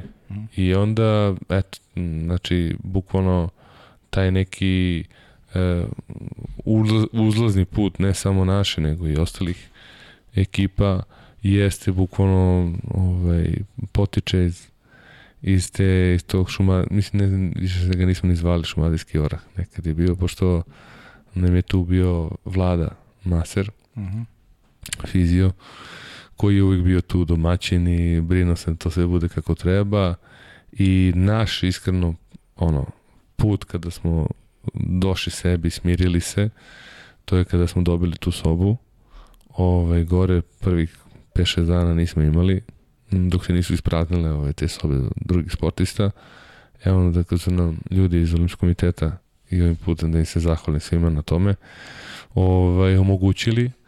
E, tu kreneće ovaj, neki neki uzlazni put, kažem, ne samo naš, već i drugih sportista i, i super se završio. E, kažem, to je ta interakcija stvarno sa drugim sportistima. Ja to nisam doživeo do Rija, nisam doživeo nikada. Uh mhm. -huh. Bio sam i u Londonu i u Pekingu. Nije to bilo ni blizu onako udruženja kao što je bilo u Riju, kao što je bio sad u Tokiju. Stvarno, to su, mnogo je bitno kad upoznate te ljude, kad upoznate uh, kad mako raz, razmenite mišljenja i, uh mhm. -huh. i i neke vidike sa, sa drugim sportistima i kada malo vam odlutaju misli od vašeg sporta, e, izuzetno je bitno da ono, sutra se probudite ovaj, totalno relaksirani i mnogo nam je pomoglo, kažem, eto, ne samo naše druženje, ali naravno i ta neka naša privatnost, ali uvek posle utakmica da bismo se družili sa, sa drugim sportistima i to je bilo sjajno za mene utisak sigurno ne samo ove olimpijade, nego i ove olimpijade iz, iz Rija. Pićo, ne prosti niš drugo nego da ti se zahvalim na izvojenom vremenu. Bilo je uživanje ponovo pričati sa tobom i eto, kad budeš zaista rešio da staviš tačku na karijeru, Vidjet ću Biću slobodan da te pozovem da, da eto ispričao možda neke stvari koje nisu ispričane i da ti poželimo onda u nekim drugim aktivnostima, onome što ti život donosi sutra, podjednak uspe kao što te prati u Vatripolu i da ti se u krajnjem slučaju zahvalimo za sve što si dao i srpskom sportu i Vatripolu i učinio nas sve onako podnosnim kada gledamo Srbiju iz bazena. Hvala pre svega na pozivu i na ukazanoj čas. Jer što tiče ovaj, ovoga, zaista, ja sam to napomenuo, meni je pre svega čast što, što sam došao u priliku uh, pre svega da budem s ovim momcima, da nastupam za reprezentaciju, da se rodim ovde sam se rodio i da dam ovo što sam dao za svoju zemlju, da mogu, dao bih opet, ali da to nikakva zahvalnost ne treba i ja ću biti več, večito zahvalan to što sam ovaj deo ove zemlje i što sam imao tu čast da da uradimo ono što smo uradili zajedno sa momcima za, za našu Srbiju. Dami i gospodo, bio je to Filip Filipović, a kada je u pitanju neki naredni susret, pratite naše Instagram profile, pripremamo dosta iznenađenja, bit će tu interesantni gostiju, pa do sledećeg, do sledećeg slušanja, veliki pozdrav.